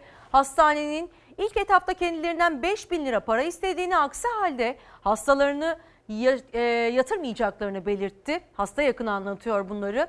Mecburen annelerini hastaneye yatırmak zorunda kaldılar ve özel hastanelerin fahiş oranda Covid-19 hastalarından para talep etmesine de tepki gösterdiler haliyle ve daha fazla insanın mağdur olmaması için e, bir an önce bu duruma çözüm bulunmasını da bir kez daha e, dile getiriyorlar. Aynı zamanda kamu hastanelerinin yetersizliğinden e, ötürü sesini duyurmak isteyen vatandaşların bir açıklaması daha var buna dair. Hüdapar Batman İl Başkanı Davut Şahin yıllardır Batman'da kamu hastanelerimizin çok yetersiz olduğunu söylüyoruz ve bu dönemde de bu durum ortaya çıkıyor diyor. Ee, hemen yanda Sağlık Sen Batman İl Başkanı Maruf Yalçın var. O da diyor ki özel hastaneler pandemi hastanesi ilan edilmeli diyor ki böylelikle de e, fahiş fiyatlarla vatandaşlar zorlanmış durumda kalmayacaktır. E, tabii ki durum böyle e, aşı meselesinde de özür diliyorum e, test meselesinde de büyük bir muamma var. Özellikle pek çok vatandaşımızdan gelen mesajlara dayanarak söyleyebiliriz ki aldığımız bazı istihbaratlara dayanarak söyleyebiliriz ki koronavirüs e, testi yaptırmak için hastaneye başvurduğu halde test yapılmaması ve sonrasında özel hastanelerde test yaptırdığında pozitif çıkması e, e, söz konusu olan vatandaşlarımız var. Bu da apayrı incelenmesi gereken bir durum. Tabii ki yurt dışından gelip e, burada tatilini, yaz tatilini geçiren pek çok yerli ve yabancı turistlerimiz de oldu. Yabancı turistler özellikle karantinaya alınmadılar. Bu da çok büyük bir risk olarak aslında bugünkü tablolara e, yansıyor. Bunu söyleyebiliriz. Efendim Almanya'ya gidiyoruz şimdi. Almanya'da araştırmacılar çok konuşulacak bir deneyi hayata geçirdi. Virüsün kalabalık etkili, etkinliklerdeki risklerini anlamak ve tedbirleri artırmak için bir deney yapıldı. Binlerce gönüllüden oluşan bir konser düzenlendi. Sosyal mesafe ve maske kuralları vardı ama özellikle son zamanlarda vakaların arttığı Almanya'da bu deneyle çok büyük bir risk alındı. Almanya'da çok tartışılan bir deneye imza atıldı. Virüsün nasıl yayıldığını anlamak ve tedbirleri artırmak için binlerce kişilik bir konser düzenlendi. 2200 gönüllünün kayıt yaptırarak gittiği konserde 3000'den fazla kişi vardı. Organizasyon var olan maske ve mesafe tedbirleri çerçevesinde gerçekleşse de böyle büyük bir etkinliğin deney olarak yapılması tartışmalara sebep oldu. Salgın birçok alışkanlığı değiştirdiği gibi eğlence dünyasına da darbe vurdu. Bir daha büyük etkinlikler, festivaller ne zaman olur tarih bile verilemedi. Araştırmacılar var olan tedbirler eşliğinde büyük organizasyonlar gerçekleşebilir mi sorusunun peşine düştü. Ve Almanya'nın Leipzig kentinde binlerce kişilik konser düzenlendi. Gönüllüler konserin yapıldığı alana geldi. Bilet kuyruğunda sosyal mesafe dikkatlice uygulandı. Maskeler takıldı. Salonun üçte biri doluydu ancak insanlar sahne önünde kalabalıklaştı. Hem molada hem de salonu terk ederken sosyal mesafeyi korumak güçleşti. Konserin sonuçları sonbaharda paylaşılacak. Araştırmacılara göre ise etkinlikte tedbirlere tam olarak uyuldu. Bulaşma yaşandı mı, riskler neler, daha ne gibi tedbirler alınabilir sonuçlardan sonra belli olacak. Ancak virüsün daha uzun bir süre bizimle yaşayacak olması büyük etkinlikleri gerçekleştirme konusunun çok da doğru olmadığını düşündürüyor. Yeni Asya gazetesinden bir başka detay sağlık çalışanlarımızın şu anki şartlarını bizlere gösteren bir detay. Ne yazık ki onların fotoğraflarını görüyoruz ve ne kadar yorgun oldukları, koridorlarda yatmak, uyumak ve ihtiyaçlarını bir şekilde uyku ihtiyaçlarını gidermek için koridorlarda yatmak zorunda olduklarını bu fotoğraf karesiyle görebiliyoruz. Sağlık çalışanlarımız çok yorgunlar ve virüs salgınının yeniden artmasıyla beraber iyice yorgun düştüler. Uzmanlar vatandaşları tedbirlere uyma noktasında dikkatli olmaya çağırıyor. Türk Tabipler Birliği ve Ankara Tabip Odası e, sağlık çalışanlarının artık nefes alamayacak hale gelip tükendiklerinin farkına varılması gerektiğini bildirdi. Türk Tabipler Birliği Merkez Konseyi Başkanı Doktor Sinan Adıyaman salgının Türkiye'deki durumunun kaygıları derinleştiren bir noktaya geldiğini belirtti ve alkışların yerini hüzün aldı. Kalp hastaları da bu arada çok dikkat etmeli diyor Profesör Doktor Bingür Sönmez. Malum Covid-19 pandemisiyle mücadele ettiğimiz ilk günlerde sağlık çalışanlarımızı alkışlamıştık. Ama maalesef ki o alkışların yerini hüzün aldı.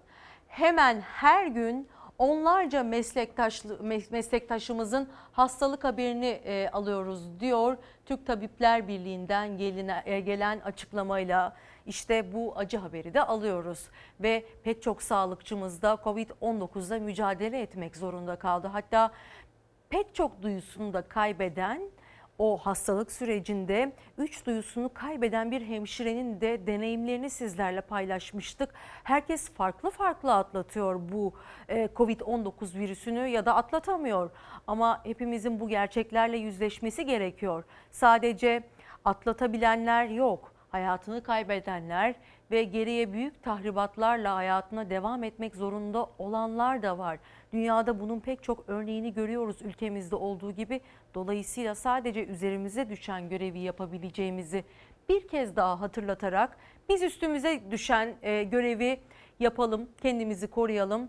Sonrası zaten bizi aşan konular. Sağlık çalışanlarının en azından üzerindeki yükü biraz olsun hafifletebilmek adına kendimize dikkat edeceğiz. Kendi sağlığımız için ve tabii ki eksikliklerin de e, olduğunu da bir kez daha buradan e, Sağlık Bakanlığı'na iletmiş olalım. Özellikle özel hastaneler konusunda fahiş fiyatlarla e, hastaların karşılandığını ve bu gibi hastanelerin, özel hastanelerin en azından bu süreçte pandemi hastanesi ilan edilmesi gerektiğini vurgulayanların da sesini duyurmuş olalım. Doğru Haber gazetesinden bir detay geliyor. Evet, Çin aşıyı Afrika'da test etmiş detayı. Zalimlikte sınır yok.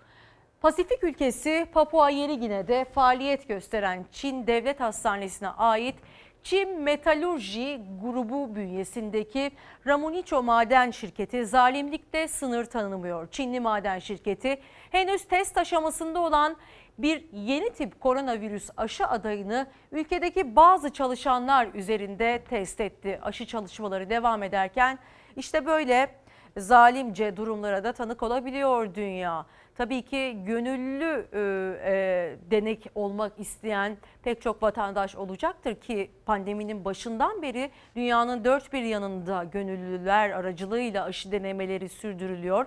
Türkiye'de de 100 kişi üzerinde denileceği açıklandı.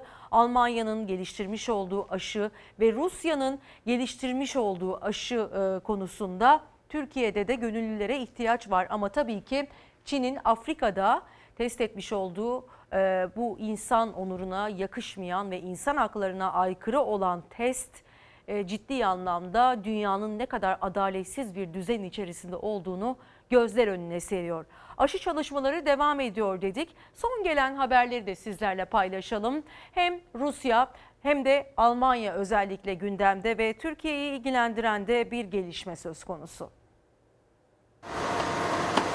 Şu anda dünyada 3-4 tane aşı zaten bu şekilde faz 3 çalışmalarına başlamış gibi gözüküyor. Çin ve Almanya'da yapılan çalışmayla ilgili de bize faz 3 çalışmasını Türkiye'de yapmak üzere müracaatlar oldu. İstanbul Tıp Fakültesi Almanya'nın geliştirdiği aşının gönüllü denemelerinin Türkiye'de yapılacağını açıkladı.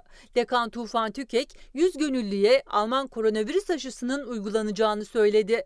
Deneme sürecinin 3 ay içinde tamamlanması bekleniyor. Bunların da 2-3 ay sonra sonlanacağını düşünürsek piyasaya bunlardan olumlu sonuçlar gelirse yani Kasım Aralık gibi bunların piyasada olacağını söyleyebiliriz ki hakikaten de iyi bir zaman. O dönem içerisinde Türkiye'de de muhtemelen o aşıları göreceğiz. Rusya ile ilgili daha önce aşı grubuyla bizim bilim insanlarımızın devrede olduğunu, iletişim içinde olduğunu biliyorsunuz. Faz 3 çalışmasının Türkiye'de yapılması şeklinde konuştuk. Sağlık Bakanı Rusya'da geliştirilen koronavirüs aşısının piyasaya sürülmeden önce Türkiye'de deneneceğini duyurmuştu. Hem Rusya'yla hem de ciddi çalışmalara devam eden Almanya ve Çin'le iletişim halinde olduğunu söylemişti. İşte Almanya'da geliştirilen o aşının Türkiye'deki denemeleri İstanbul Tıp Fakültesi koordinasyonunda yürütülecek. İnşallah aşı çalışmaları tamamlanınca ve bu hastalıkla ilgili uygulamaya başladığında bu sorundan kurtulmayı ümit ediyoruz.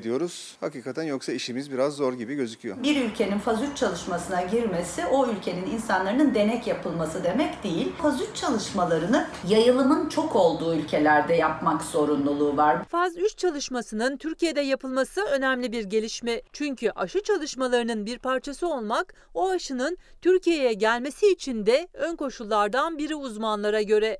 Ancak aşı bulunana kadar maske, mesafe ve hijyen önemini koruyor. Şu an için koruyucu önlemler çok önemli. Hastalığa yakalandıktan sonra tedavi de çok önemli. Ancak hiç olmaması için çalışmak yani aşılama için çalışmak daha da önemli gibi gözüküyor. Güne sıcak bir gelişmeyle başlamıştık. Dün 15.30 öğlen saatlerinde e, başlayan yangın e, sel ve heyelanların e, sonuçlanmasıyla sürüp gitmişti. Gece 3'te İçişleri Bakanı Süleyman Soylu Giresun'daydı ve oradaki arama kurtarma çalışmalarını yakından takip etti ve ilk açıklamasında 5'i jandarma 12 vatandaşımızın kaybolduğunu söylemişti. Son yaptığı açıklamada ise bir jandarmanın şehit olduğu, bir askerimizin şehit olduğu ve iki vatandaşımızın da cansız bedenine ulaşıldığını e, duyurdu. Ve sonrasında bizim de aldığımız haberlere istinaden e, tüm kurtarma ekipleri çevre illerin de takviyeleriyle beraber sürdürülüyor.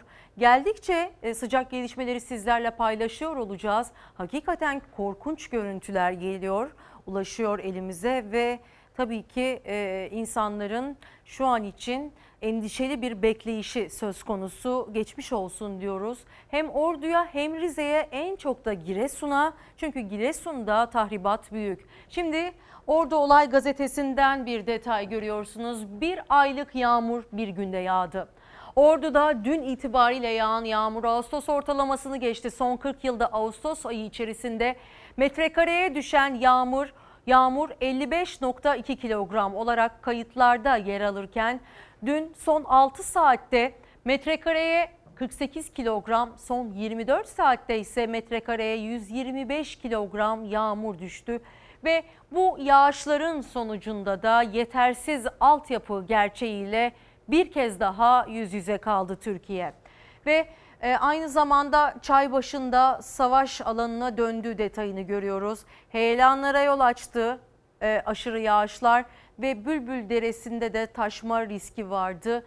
E, Türkiye'nin 3 ilinde bu manzaralara ve daha da ağrına tanık olduk. Şimdi Giresun'dan son gelen e, görüntüleri sizlerle paylaşmak istiyoruz. Hakikaten çok zor bir durum içerisinde tüm vatandaşlarımız arama kurtarma çalışmaları sürerken tek temennimiz kaybolan vatandaşlarımızın, kaybolan jandarma, e, jandarmamızın bir an önce e, sağ salim bulunması. İşte son görüntüler efendim. Bakın dere taşlı geldi. Mahvoldu ortalık mahvoldu ağlayacağım ya ağlayacağım Allah'ım ağlayacağım ya. Allah'ım sen bizi koru ya Rabbi. Araba gidiyor. Evet. Şu anda, şu anda bu araba sene karıştı gidiyor. Araba gidiyor bak. O anda yaşadığı korkuyu, şaşkınlığı böyle dile döktü. Çünkü her gün alışveriş yaptığı dükkanlar gözlerinin önünde suyla dolmuş, önünden arabalar, otobüs durakları, konteynerler sürüklenmeye başlamıştı. Giresun'da sel ve heyelan şehri yıktı geçti. İlk belirlemelere göre biri asker, 3 can kaybı var. Bölgeye giden İçişleri Bakanı Süleyman Soylu 127 kişiye ulaşıldığını söyledi. Kayıpların arama çalışmaları ise devam ediyor. Çevre ve Şehircilik Bakanı Murat Kurum da olay yerine gidiyor. Arabaların içinde insanlar yok. Allah'ıma şükürler olsun. Can kaybımız inşallah yoktur. Ordu, Trabzon, Samsun ama en çok Giresun. Aslında öğle saatlerinde Ordu'daki bu ürkütücü görüntü yaşanacakların habercisiydi belki de. Denizin ortasında görülen hortum sağanak yağmuru beraberinde getirdi. Öğle saatlerinde başlayan yağmur derelerin taşmasına neden oldu. Hem Ordu'da hem Giresun'da heyelanlar meydana geldi. Burası Yaldıran'ın giriş yolu şu anda. Giresun merkeze bağlı Hamidiye köyünde fındık toplayan bir çift debisi artan dere nedeniyle mahsur kaldı. Böyle kurtarıldı. Samsun'un Terme ilçesinde de tarım arazilerinde mevsimlik işçiler mahsur kaldı. Kepçelerle kurtarıldılar. Rize'de heyelanlar meydana geldi, yollar kapandı. Ama bunlar sadece başlangıçtı. Saatler ilerledikçe yağış da hızını artırdı. Hava karardığında Giresun ve Ordu'da şehrin içinden akan derelerde bile adeta dalgalar oluşmuştu. Bölgeye giden İçişleri Bakanı Süleyman Soylu yaptığı ilk açıklamada metrekareye 137 kilogram yağmur düştüğünü, zaman zaman su yüksekliğinin 2 metreyi aştığını söyledi.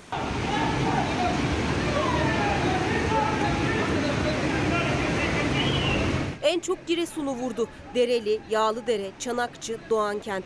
Hemen her ilçede onlarca köyle bağlantı kesildi.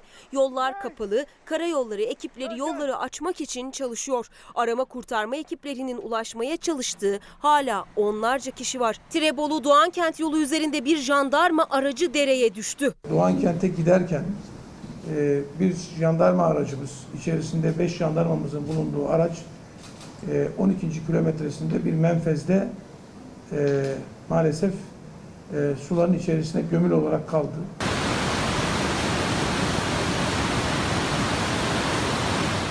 Sabahın ilk ışıklarıyla jandarma aracının menfeze düştüğü o nokta işte böyle görüntülendi. Gelen ilk görüntülerde yolun bir noktasının tamamen çöktüğü görülüyor. Gece Dereli'de bir düğüne katılan 20 kişi de mahsur kaldı. Ancak güvenli bir alana geçmeyi başardılar. E, Dereli'de bir düğün salonunda e, 20 vatandaşımız ki biraz önce güvenli bir yere daha alındığı söylendi. Ama e, onlarla ilgili de kurtarma çalışmaları e, devam etmektedir. Bugün yayladan dönen İl Genel Meclisi üyelerimizin de içerisinde bulunduğu toplam 20 kişilik, e, 8 kişisi bir noktada, diğerleri başka bir noktada olmak üzere e, şu anda onlar da mahsurlar ve e, onlara da ulaşılamıyor. Bulundukları yerin hem sağında hem solunda heyelan düştü ve o heyelanın tam ortasında kaldılar. Bakan Soylu gece saatlerinde yaptığı açıklamada gün ışıdığında ortaya çıkacak bilançonun yüksek olabileceğini söyledi. Şu anda söyleyeceklerimiz sabah söyleyeceklerimizin çok altında olabilir. Çünkü hava aydınlandığı zaman göreceğimiz manzaranın biraz daha maliyetinin yüksek olabileceğini düşünüyoruz. Rize'nin Dağsu mahallesinde de birbirine bitişik iki apartman şiddetli yağış sonrası oluşan heyelan tehlikesi nedeniyle tahliye edildi. 10 haneli 30 kişinin yaşadığı apartmandakiler polis ekipleri tarafından evlerinden çıkartılarak yakınlarının evlerine gönderildi. Salarha'dan Rize şehir merkezine seyir halinde olan bir aracın üzerine heyelan gelince araç toprak altında kaldı. Balsu mahallesinde evinin yanında çöken duvarın altında kalan bir kişinin imdadına komşuları yetişti. Balyozlarla duvarları kırarak adama ulaştılar. Ama mahalle yolu heyelan nedeniyle kapanmıştı. Ambulans gelemedi. Komşuları yaralı adamı dozerin kepçesine koyarak ambulansa ulaştırdılar. Günün ilk ışıklarıyla gelen görüntüler yaşanan dehşetin boyutunu gözler önüne serdi. Rize'de çöken yollar, toprak altına gömülen evler, çamura saplanmış araçlar böyle görüntülendi. 3 can kaybımız var. Biri asker olmak üzere e, 127 kişiye ulaşıldığını açıkladı İçişleri Bakanı Süleyman Soylu. Ama 11 vatandaşımızın arama kurtarma çalışmaları halen devam ediyor. Tek dileğimiz sağ salim kurtulmaları. Bu arada Çevre ve Şehircilik Bakanı e, Murat Kurum yolda olduğunu ve Tarım Bakanı Bekir Pakdemirli'nin de oraya gittiği bilgisini aldık. Tabii ki ee, tek dileğimiz can kaybının devamının olmaması. Şimdi bir bağlantımız var efendim. CHP Giresun Milletvekili Necati Tığlı olay yerinde ve durumu bize e, aktaracak. E, Necati Tığlı sesimi alabiliyor musunuz? Evet, evet Merve Hanım iyi yayınlar diliyorum. Çok teşekkür ediyoruz. Geçmiş olsun. Siz e, görmüş olduğunuz manzaraları bize aktarır mısınız? Tabii Almış ki, tabii olduğunuz ki. özel bir bilgi var mıdır acaba? Hı, tabii ki öncelikle Giresun'umuza ve ülkemize çok geçmiş olsun. Ee, şimdi ben e, sabah saatlerinde, erken saatlerde Tirebolu ilçemize geçtim. E, Tirebolu ilçemizde Doğankent e, yolunda e, menfez çökmesi sonucu e, yol çöktü. Burada 5 askerimizin e, dereye yuvarlandığı bir askerimize e, ulaşıldı. E, şey e, bir askerimizin cansız bedenine ulaşıldı. 4 askerimizin arama faaliyetlerine devam ediliyor. E, oradan e, Yağlıdere ilçemize geldik. Şu an Yağlıdere ilçemizde 12 köye ulaşılamıyor. E, olaylar gerçekten çok ciddi boyutta. Şimdi e, buradan da Dereli ilçemize geçeceğiz. Dereli ilçemizde de şehir merkezindeki bütün iş yerleri e, su, şey altında, çamur içinde, çamurun altında kalmış boyutta. Gerçekten durumlar çok kötü. E, bir de e, biraz önce benim e, Giresun'da yerel basın danışmanımın evinde e, sel sularına kapılmış durumda. Basın Aracına- danışmanı. Evet, evet. Eşi. Ba- e, geçmiş olsun basın da, bas- sizin baş- basın danışmanınız mı? Evet, evet. Yereldeki basın danışmanımın eşi e, dere sularına kapılmış aracına şimdi ulaşıldı. E, kendisine ulaşılamıyor. O- orada da bir şu an arama çalışmaları Geçmiş devam olsun. ediyor. Çok teşekkür ediyoruz Necati Tığlı. Ee, geçmiş olsun tüm Giresun'umuza ve tabii Sağ ki olun. size de ay- e, ayrıca geçmiş olsun. Ee, Sağ olun. gelişmeler oldukça bilginize e, e, ihtiyaç duyacağız. Tabii Çok ki, teşekkür tabii ki. ediyoruz. Tabii Kolay ki iyi gelsin. yayınlar diliyorum. Sağ Çok olun. teşekkürler. Efendim şöyle özetleyelim. Ee, askerlerimiz dereye yuvarlandı ve 5 jandarma a, jandarmanın e, kaybolduğu bilgisini ilk olarak paylaşmıştı Süleyman Soylu ve birinin cansız bedenine ulaşıldığı bir askerimizin ve e, özellikle Yağlıdere'de e, 12 köye ulaşılamadığını söyledi E, ve sonrasında da e, Dereli'de özellikle iş merkezlerinin çamur altında olduğu bilgisi paylaşıldı. Bu arada e, basın danışmanının da e, eşinin sulara, sel sularına kapıldığı bilgisini paylaştı bizimle. Diliyoruz ki o da sağ salim kurtulur. Tabii ki e, net bilgiler bunlar almış olduğumuz resmi bilgiler.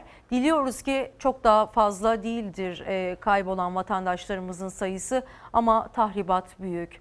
E, zaman zaman sizlerle yeni gelen görüntüleri de paylaşıyor olacağız. Yeni gelen bilgileri de paylaşıyor olacağız. Gerçekten hem başımız sağ olsun hem de e, büyük geçmiş olsun ama bu manzaraları e, tekrar tekrar görmekten de yorgun düşmüş ve bunun bir haksızlık olduğunu düşünenlerdenim.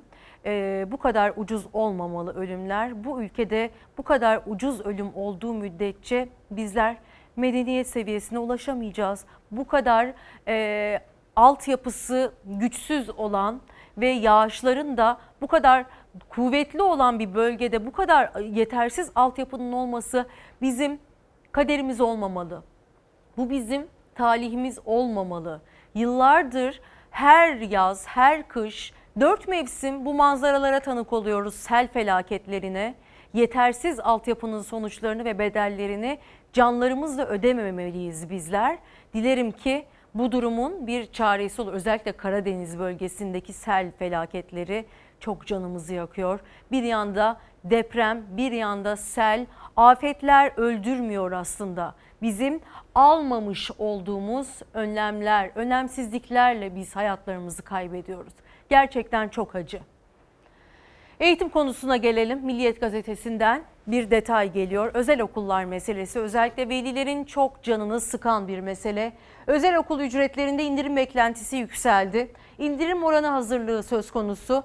Ee, Abbas Güçlü kaleme aldı. Yüz yüze eğitimin ertelenmesiyle özel okullar %5 ila 30 arasında bir indirimi telaffuz etmeye başladı. Veliler %50 istiyorlar. Okulda yüz yüze eğitimin 21 Eylül ertelenmesinin ardından velilerde özel okul ücretlerinde ertelenme oranı kadar indirime gidilmesi yönünde büyük bir beklenti oluştu. Özel okul dernekleri ortak bir açıklama yaptılar ve indirimin söz konusu olduğunu ama bu hesabın öğretim yılı sonunda yapılabileceğini duyurdu ve böylelikle okulların indirim oranlarını masraf kalemlerine göre kendilerinin belirleyeceğini söyledi. söyledi.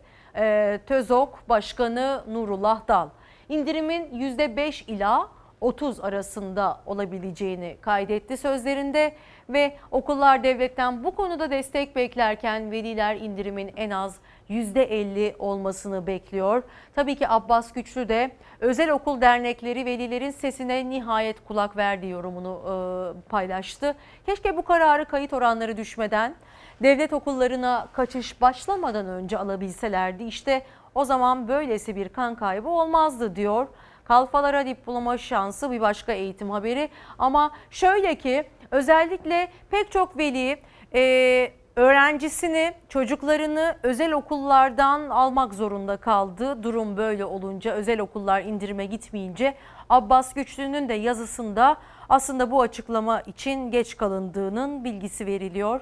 E, dileriz ki %50 oranında yapmayı başarabilir özel okullar ama ödeme yapmış olanlar için bu ücretin iadesinin de muhtemel e, yüksek muhtemel muhtemel yıl sonunda e, geri ödemesi olacağını anlamış e, anlamış bulunmaktayız efendim. Yani ödeme yaptıysanız eğer okullara bunu anladığımız kadarıyla yıl sonunda e, geri alabileceksiniz. Tabii ki okulların inisiyatifine bırakıldığında indirim oranları da her okulun kendi belirlemiş olduğu rakamların olması da bir karmaşa yaratabilir öyle görünüyor.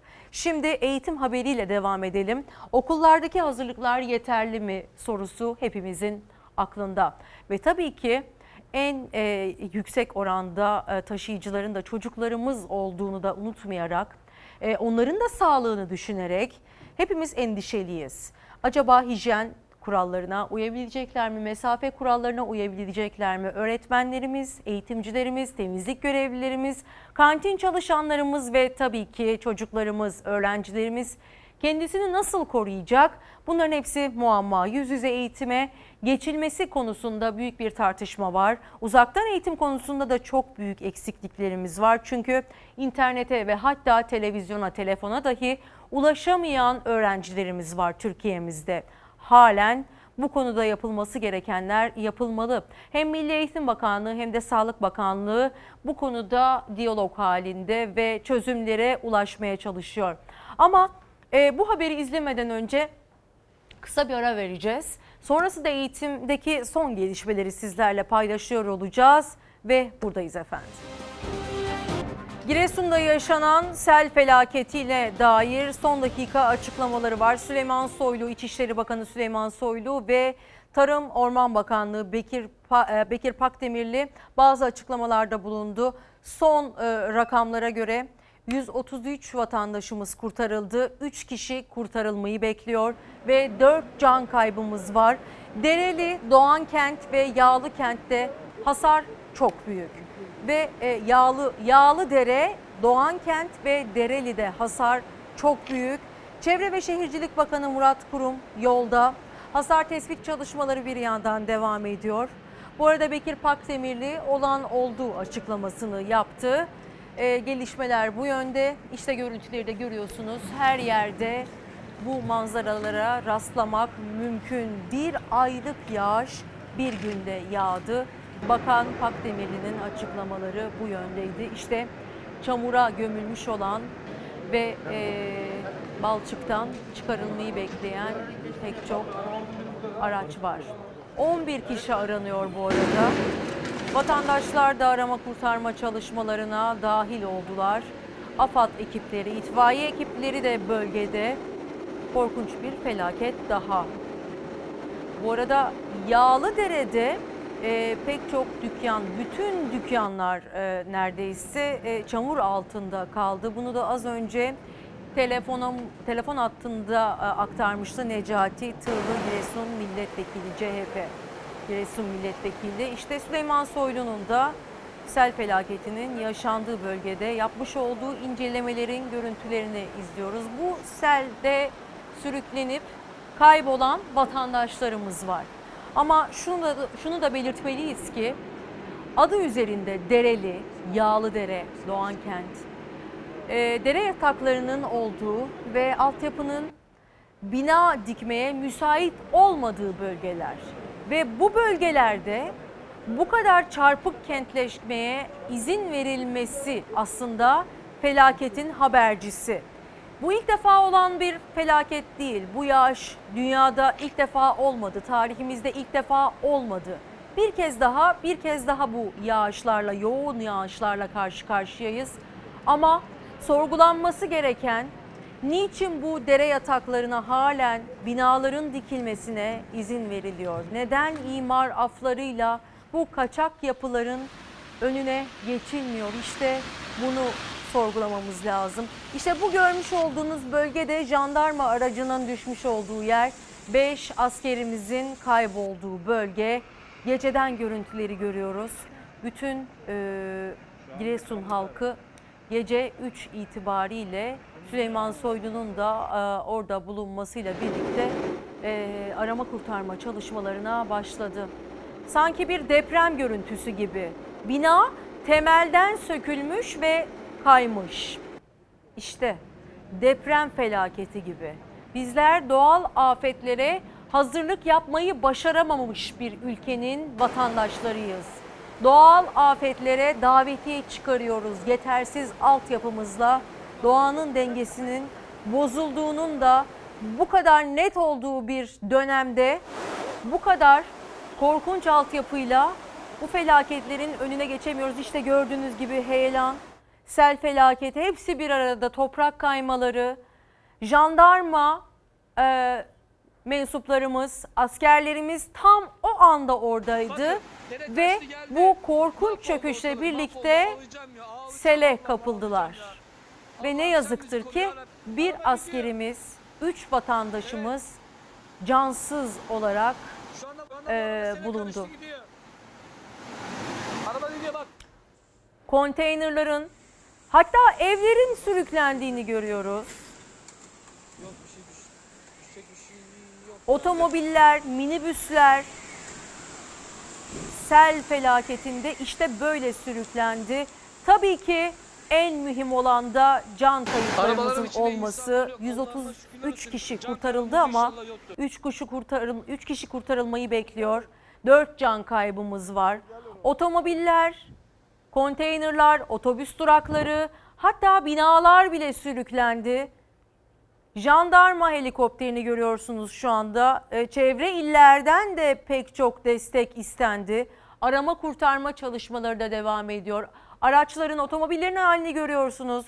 Balçık, jandarma aracı e, bile bu hale geldi. Ne yazık ki tahribat çok büyük.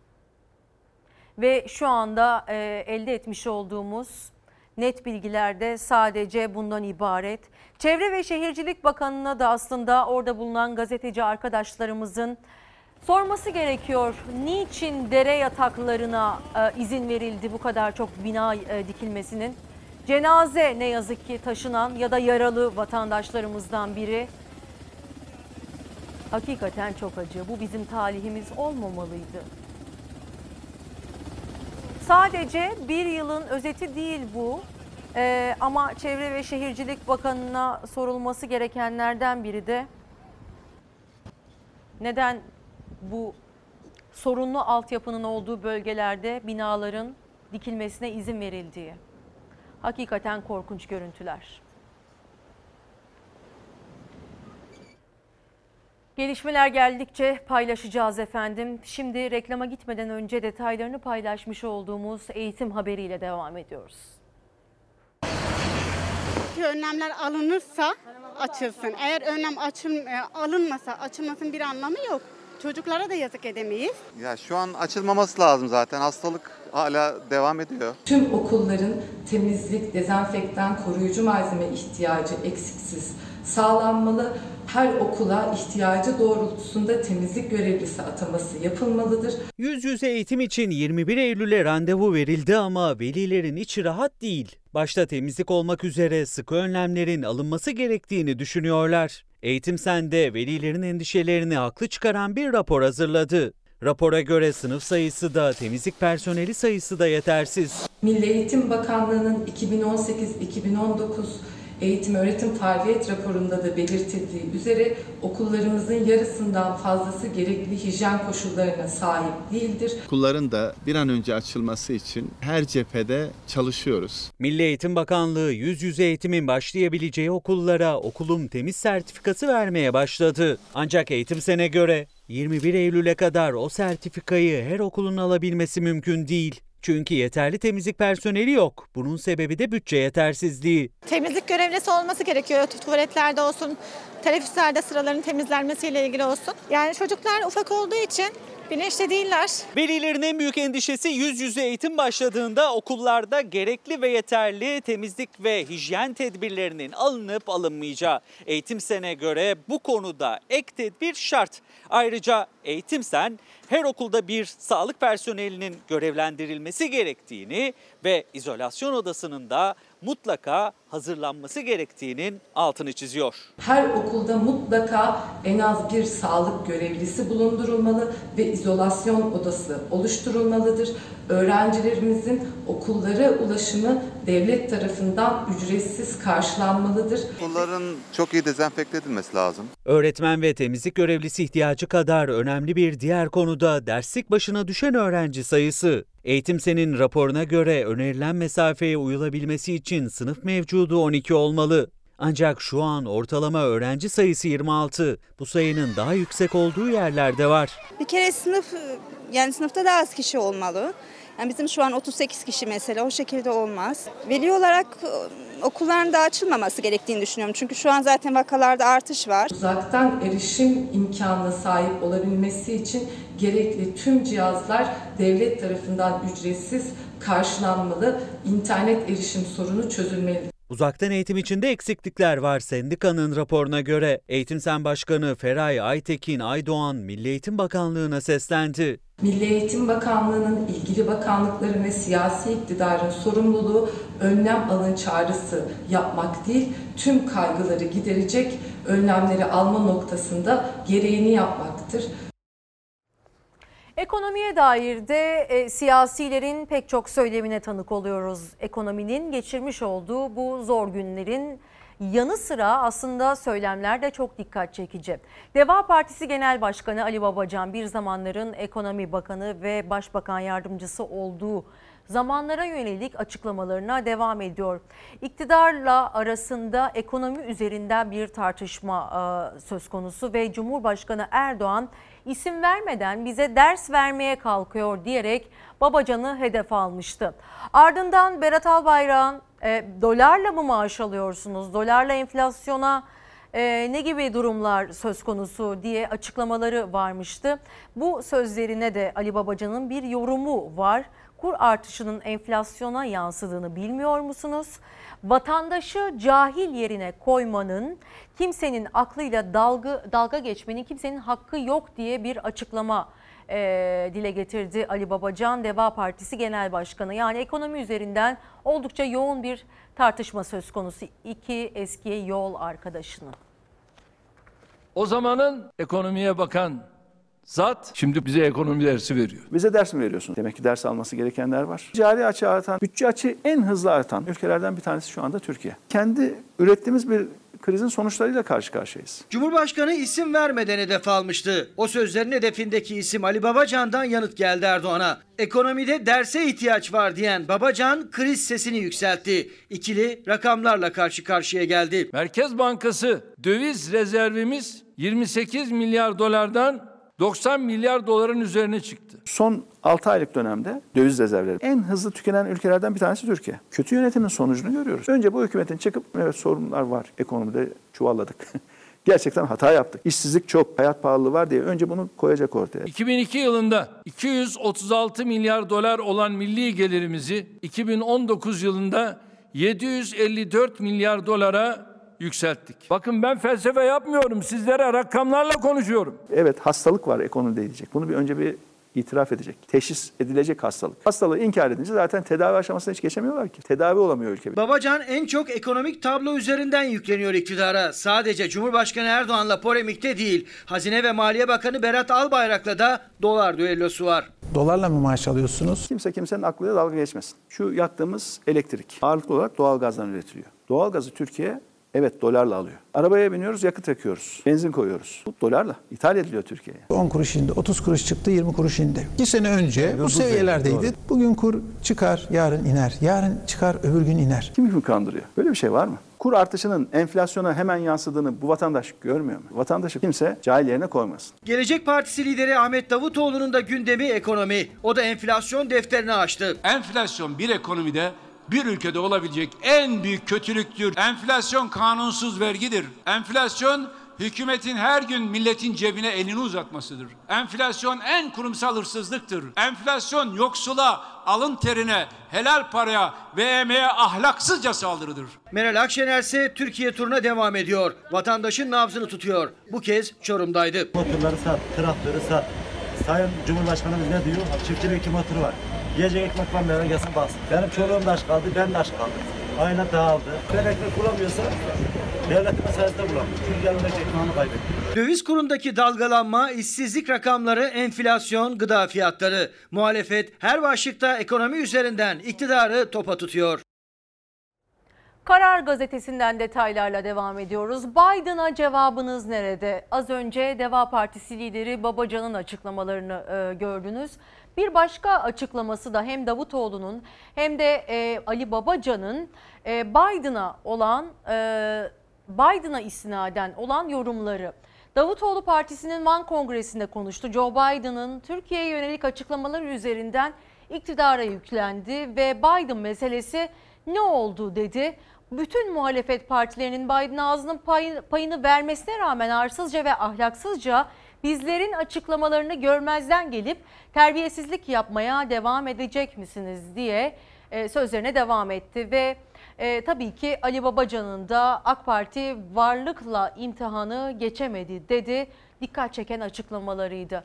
Yine aynı gazeteden Karar Gazetesi'nden ekonomiye dair bir manşet görüyoruz bu sabah. Yapay piyasa dövizleri eritti. Uluslararası Kredi Değerlendirme Kuruluşu, e, Kuruluşu Fitch e, Türkiye'nin görünümünü durağından negatife çevirdi. Son dönemde kuru dizginlemek için yapılan yanlış müdahalelere işaret eden kuruluş, suni piyasanın ekonomi politikalarının itibarını aşındırdığını belirtti. Para politikasının da bozulduğunu savundu. Merkez Bankası'nın rezervlerinin 50 milyar dolarlık swap aşamalarında anlaşmalarına rağmen düştüğü net rezervin eksi 30.2 milyar dolar olduğunu ifade etti. 2020'deki müdahaleler kura bağlılığı zedeledi detayını görüyoruz ve bir yılda 190 milyar dolar ödenecek detayını da sizlerle paylaşmış olalım. Bir başka detayımız var mı Ee, ya da haberden sonra paylaşalım. Açlık diyoruz gündem aslında ve disk bir araştırma e, diske bağlı Birleşik Metal İş Sendikası da bir araştırma yaptı.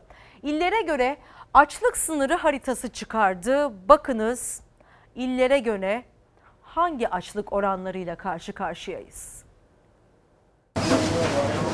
Açlık sınırının tespitinde bölgelere göre farklılıklar var. Çünkü e, madde fiyatları bölgelere göre değişiklik gösteriyor. Açlık sınırı askeri. Herkes aç. Yanlış anlamayın tok kim var ki? Dolabı açın bakın.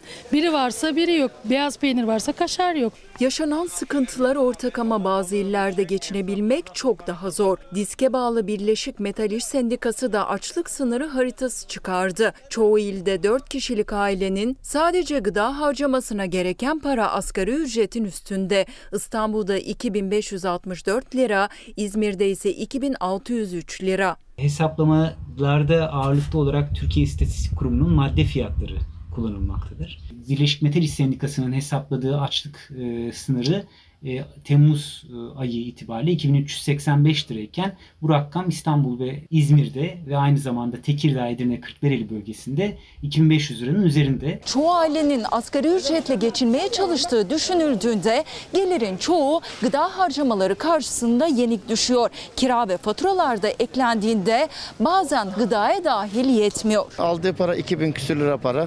700-800 lira yakın bir kirası var. En büyük gider kalemi nedir aileler? Yiyecek.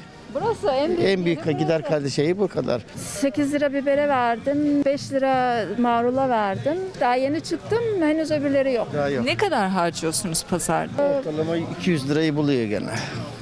4 kişilik. Haftalık? ailesi. Ee, Hafta- haftalık olur mu? Haftalık olmaz. Hafta ortası alışverişimiz gene ayrı. Ya tuzlu, zeytinli, peyniri onlar daha yok. Özellikle büyük şehirlerde açlık sınırı çok daha yüksek. Oysa aynı asgari ücretle, aynı emekli maaşıyla ayın sonunu getirmeye çalışıyor 81 ilde yaşayanlar. Biz iki kişi çalışıyoruz evde. Anca kenarda bir şey kalmıyor. Asgari ücretli misin? Tabii asgari ücretle çalışıyoruz. Ki asgari ücret kaç kişiye yetmiyor? Üç kişiyiz ama kira olunca tabii daha zor oluyor. Aha, aha bu 5 lira der mi? Üç mısır mı? He, 3 tane mısır 5 lira der mi? Asgari ücret neye yetiyor? Hiçbir şeye yetmiyor. Kirayı ödeyemiyorsun, suyu elektriği ödeyemiyorsun. Her şeyden kısıyorum. Gıdayı bırak hepsinden kısıyorum. Nerede ucuz varsa biz oraya gidiyoruz. Sendikanın hazırladığı açlık sınırı haritası doğudaki illerde ise hemen hemen asgari ücret civarında. Sebebi üretime daha yakın olmaları sebebiyle gıda fiyatlarının nispeten ucuz olması. Hatay, Kahramanmaraş, Gaziantep, Adıyaman, Kilis gibi e, yine Adana, Mersin e, gibi gıda üretiminin yakın olan dolayısıyla madde fiyatlarının görece düşük olduğu bölgelerde. Pazara normalde aslında 100 liradan 150 liradan aşağı çıkılmaz ama e, biz nereden baksan yine 40 lira 30 lirayla çıkıyoruz. Ne alıyorsunuz 30-40? ucundan yarım kilo yarım kilo alıyoruz. O gün hani o haftayı tamamlamaya uğraşıyoruz maalesef. Bir gün gazetesinden bir detay. Ayşe teyzenin faturası düşmez. İktidar gaz eleştirilerini kıskançlıkla suçladı. Uzmanlara göre politik sahiklere duyurulan keşif faturaları etkilemez. Ee, ve e, bu durumda aslında şöyle ki e, herkes müjdeli haber sonrası acaba faturalarımız düşecek mi? Doğalgaz faturalarındaki bu korkunç artışın önüne yerli gazla geçebilecek miyiz? düşüncesini sorgulamaya başladı. Ama öyle görünüyor ki uzmanların açıklamalarına göre 2023'e kadar zaten böyle bir şeyin söz konusu olmayacağını e, vurgulayabiliriz. İşte bu haberin bir detayıydı. Yine başka bir gazeteden, Korkusuz Gazetesi'nden ekonomi detayımız gelsin. Bu arada birazdan yeniden Giresun'a bağlanacağız. Orada İHA muhabiri bize e, durumu aktaracak. Şimdi Korkusuz Gazetesi'ndeki detaya bakalım. Emekliler soruyor doğalgaz ucuzlayacak mı? Karadeniz'den gelen müjde umutlandırdı. Ve bir fatura İşte can yakan faturalar olarak duyuruluyor. 786 lira 50 kuruş, 622 lira. Emekli bu faturayı nasıl ödüyor acaba? Aslında Türkiye geneline baktığımızda asgari ücretliler, emekliler bir mucizeye imza atıyorlar diyebiliriz. Açlık sınırının altında yaşayarak bir de faturalara, e, fatura yükünün altında ezilerek yaşayabilmek hakikaten çok büyük bir mücadele. Bunu e, belki de ekonomi e, bölümlerinde e, anlatabilirler emeklilerimiz. Belki de asgari ücretlilerimiz geçim sıkıntısı çekerken bu kadar az ücretle geçinebilmenin nasıl mümkün olduğunu gelecek nesillere anlatırken belki de büyük dersler çıkaracağız. Ve bir diğer gazetemiz e, ya da Korkusuz'daki ikinci detayı da verelim çiftçimizle alakalı. Bu arada Giresun'da e, Tarım ve Orman Bakanı Bekir Pakdemirli orada biliyorsunuz. Sadece e, can kaybı değil e, mal kaybı ve tabii ki hasar gören e, mahsuller de söz konusu. Korkusuz gazetesinde Türkiye Venezuela'dan sıfır gümrükle tarım ürünleri ithalatı yapacak. Türk çiftçisine bir de Venezuela darbesi sosyal medyada da görmüşsünüzdür. İthal edilebilecek ürünler arasında peynirden pirince, yulaftan ayçiçeği tohumuna kadar çok sayıda ürün var. Bu karar geçim derdine düşen yerli üreticiyi kara kara düşündürüyor. Çiftçilerimiz hakikaten zor durumda. Ürünleri para etmiyor ve böylelikle ithalata yöneliyor olmamız da çok üzücü. Şimdi Giresun'a bağlanıyoruz. Ahmet Bilge e, telefonumuzun diğer hattında İHA muhabiri. Sabah da bize pek çok bilgi aktarmıştınız Ahmet Bilge. Son gelişmeleri sizden alabilir miyiz? Evet şu anda Giresun'un e, Tirebolu ilçesinde 5 e, askerin e, sel sularına kapılarak kaybolmuş olduğu bölgede arama çalışmaları devam ediyor. 5 askerin buradaki... mi 4 askerin mi? 5 askerin e, kaybı olmuştu burada. Bir askerin araç içerisinde e, cansız bedenine ulaşıldı. 4 askerin ise halen arama çalışmaları devam ediyor. Evet. Peki diğer vatandaşlarımızdan haber var mı Ahmet Bilge?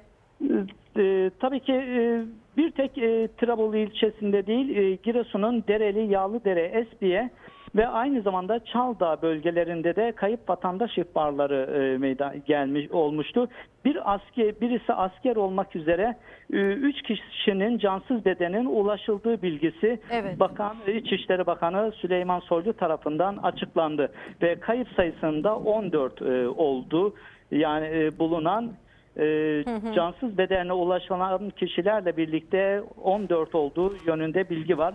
Şu anda burada e, birçok arama e, ekibi var. E, UMKE var, AKUT var, sualtı arama kurtarma var, itfaiye var, özel harekat var.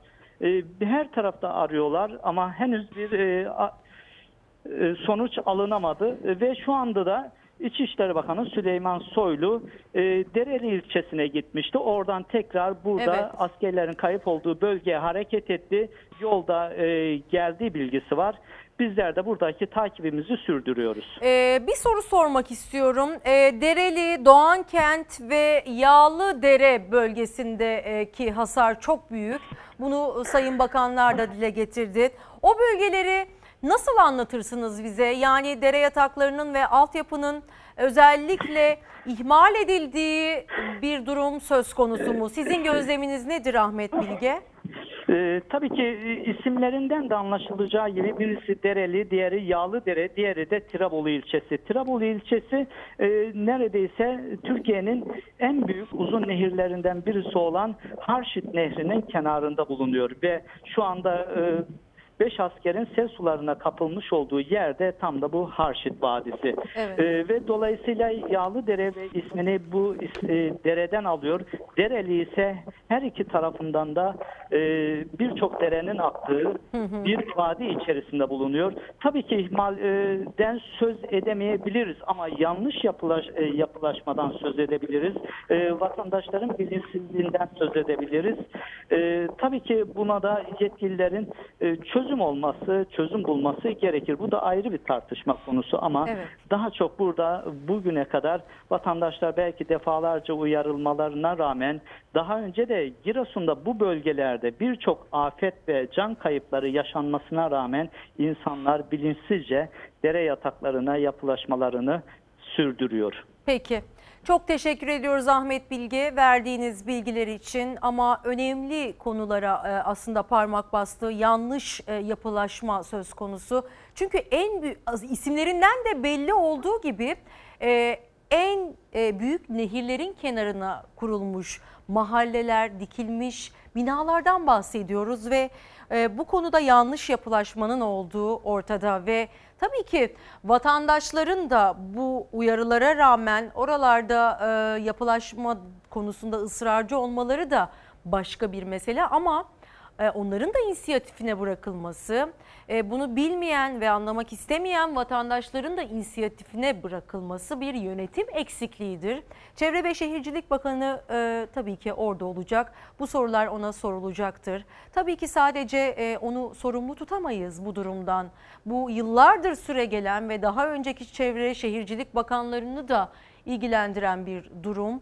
E, yıllardan beri aynı durumla karşı karşıyayız. Nehir kenarlarına, dere yataklarına kurulan, dikilen binalar ve sonuç ölüm, sonuç kayıp, sonuç ağır hasar, maddi manevi kayıplar, gözyaşı, hüzün. Hakikaten bu bizim kaderimiz olmamalı. Biz ucuz ölümler e, ülkesi olmaktan çıkmak zorundayız bu ihmalleri ortadan kaldırarak ve e, çarpık yapılaşmanın altyapısı olmayan yerlerdeki binaların dikilmesini önleyerek tekrar geçmiş olsun ve başımız sağ olsun. Ve trafik magandası e, onunla karşı karşıyayız. Bakınız nasıl dehşet saçtı. Bakın. Seni ben burada öldüreyim mi sen ne istiyorsun? Bak bak bak araçta, araçta çakar var diye önümü kesti. Evet bakın. Lan sen sen hayır Çek sen lan. Ama vururum ağzını. Beni bıçaklamaya başladı. 1, 2, 3, 4 derken 5 elimden beni bıçakladı. Çakarlı aracıyla yol kesti, tehdit etti, bıçakladı. 6 ayrı suç kaydı olan şehir eşkıyası saldırının ardından kayıplara karıştı. Şu anda araç önümü kesti. Polisim diye bakın. Polisim araçta çakar takılı. Araçta çakar takılı polisim dedi. Lan polise ver sen. Polisim dedi. Sen ne ayak Çek yapıyorsun? Lan. Sen ne ayak yapıyorsun? Sen bana bak bir. Bir çek Bana bak bir. Bir çek Bana bak bir lan. Bir çek elini. Kamera çek. Araçta kamera var. Çakar takılı. Bende de kamera var. Çakar takılı. Çakar takılı polisim dedi. Yolu kesti araç. Sen şaka mı yapıyorsun? Araç yolu kesti. Bir dakika. Sen şaka mı yapıyorsun? Bana bak. Sen ciddiyorsan şaka mı yapıyorsun? Senin psikolojik sorunu mu var? İstanbul Hadımköy'de MEU isimli saldırgan çakarlı lüks aracıyla bir kamyonetin önünü kesti.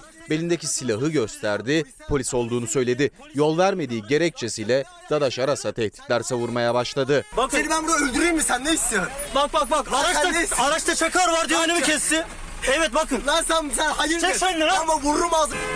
Araçta çakar takılı şu anda. Sen, sen onu alsan ne olacak? Tamam canlı yayındayız oğlum. Hayır sen alsan ne olacak? Çek, şeyini. Lan geç arabaya. Araçta çakar var diye önümü kes. Polisim diye önümü kesti. Birden ya hızlandı. Aracı önüme kesti. Arabadan indi. Dedi ben polisim dedi. Sen dedi, niye dedim ben dedi dur deyince durmuyorsun dedi. Ver dedi ehliyetini. Silah bildiğiniz silah. Bana gösteriyor. Ben de bir anda şüpheye düştüm. Acaba dedim polis mi değil mi? Saldırıya uğrayan Dadaş Aras kamyonetinden inip saldırganın aracındaki çakar sistemini cep telefonuyla görüntüledi. Bu sırada tehditler de devam ediyordu. Aras videoyu kapatır kapatmaz da iddiasına göre bıçaklı saldırıya uğradı. Video kaydını durdurdum. Ensemden bir güm diye ses geldi. Ondan sonra ben yere uzandım. Arabanın ön kaputunda kafamı vurdum düştüm yere. Bir baktım beni bıçaklıyor. Allah'ım kimsenin başına vermesin. Beş yerinden bıçaklanan kamyonet sürücüsü başka bir araca binerek yardım istedi. Hemen hastaneye götürüldü. Onu hastaneye götüren araç da gözü dönmüş şehir eşkıyasının hedefindeydi. Baktım elinde siyah bir tane büyük bir bıçak 20 santim boylarında. Arabanın camına vurmaya çalıştı. Ağır yaralanan Dadaş Aras hastanede tedavi altına alındı. İddiaya göre saldırgan kaçarken kamyonetin içindeki 30 bin lirayı da aldı. 6 ayrı suçtan kaydı olduğu tespit edilen MEU hakkında yakalama kararı verilip yurt dışına çıkış yasağı konuldu. Hala aranıyor. Araç yolu kesti bir dakika. Sen şaka mı yapıyorsun? Bana bak. Sen ciddiyorsan şaka mı yapıyorsun? Psikolojik sorunu mu var? Haber merkezimize az önce ulaşan yeni görüntüler var. Dereli ilçesinde ölümle burun buruna gelen vatandaşlarımız anlatıyor yaşadıklarını. Bakınız nasıl dehşet anlar yaşandı. Biz iki derenin arasında kaldık. Hem çarşı tarafı da açtı hem dere tarafı da açtı. Biz çok korktuk. Helikopterle bizi şey yapın diye çok bağırdık. Çok bağırdık. Sabaha kadar bağırdık bizi kurtarın diye. Kimseden yardım gelmedi nereye gelsin. Evimin, evimizin merdivenleri de dudu soyulan.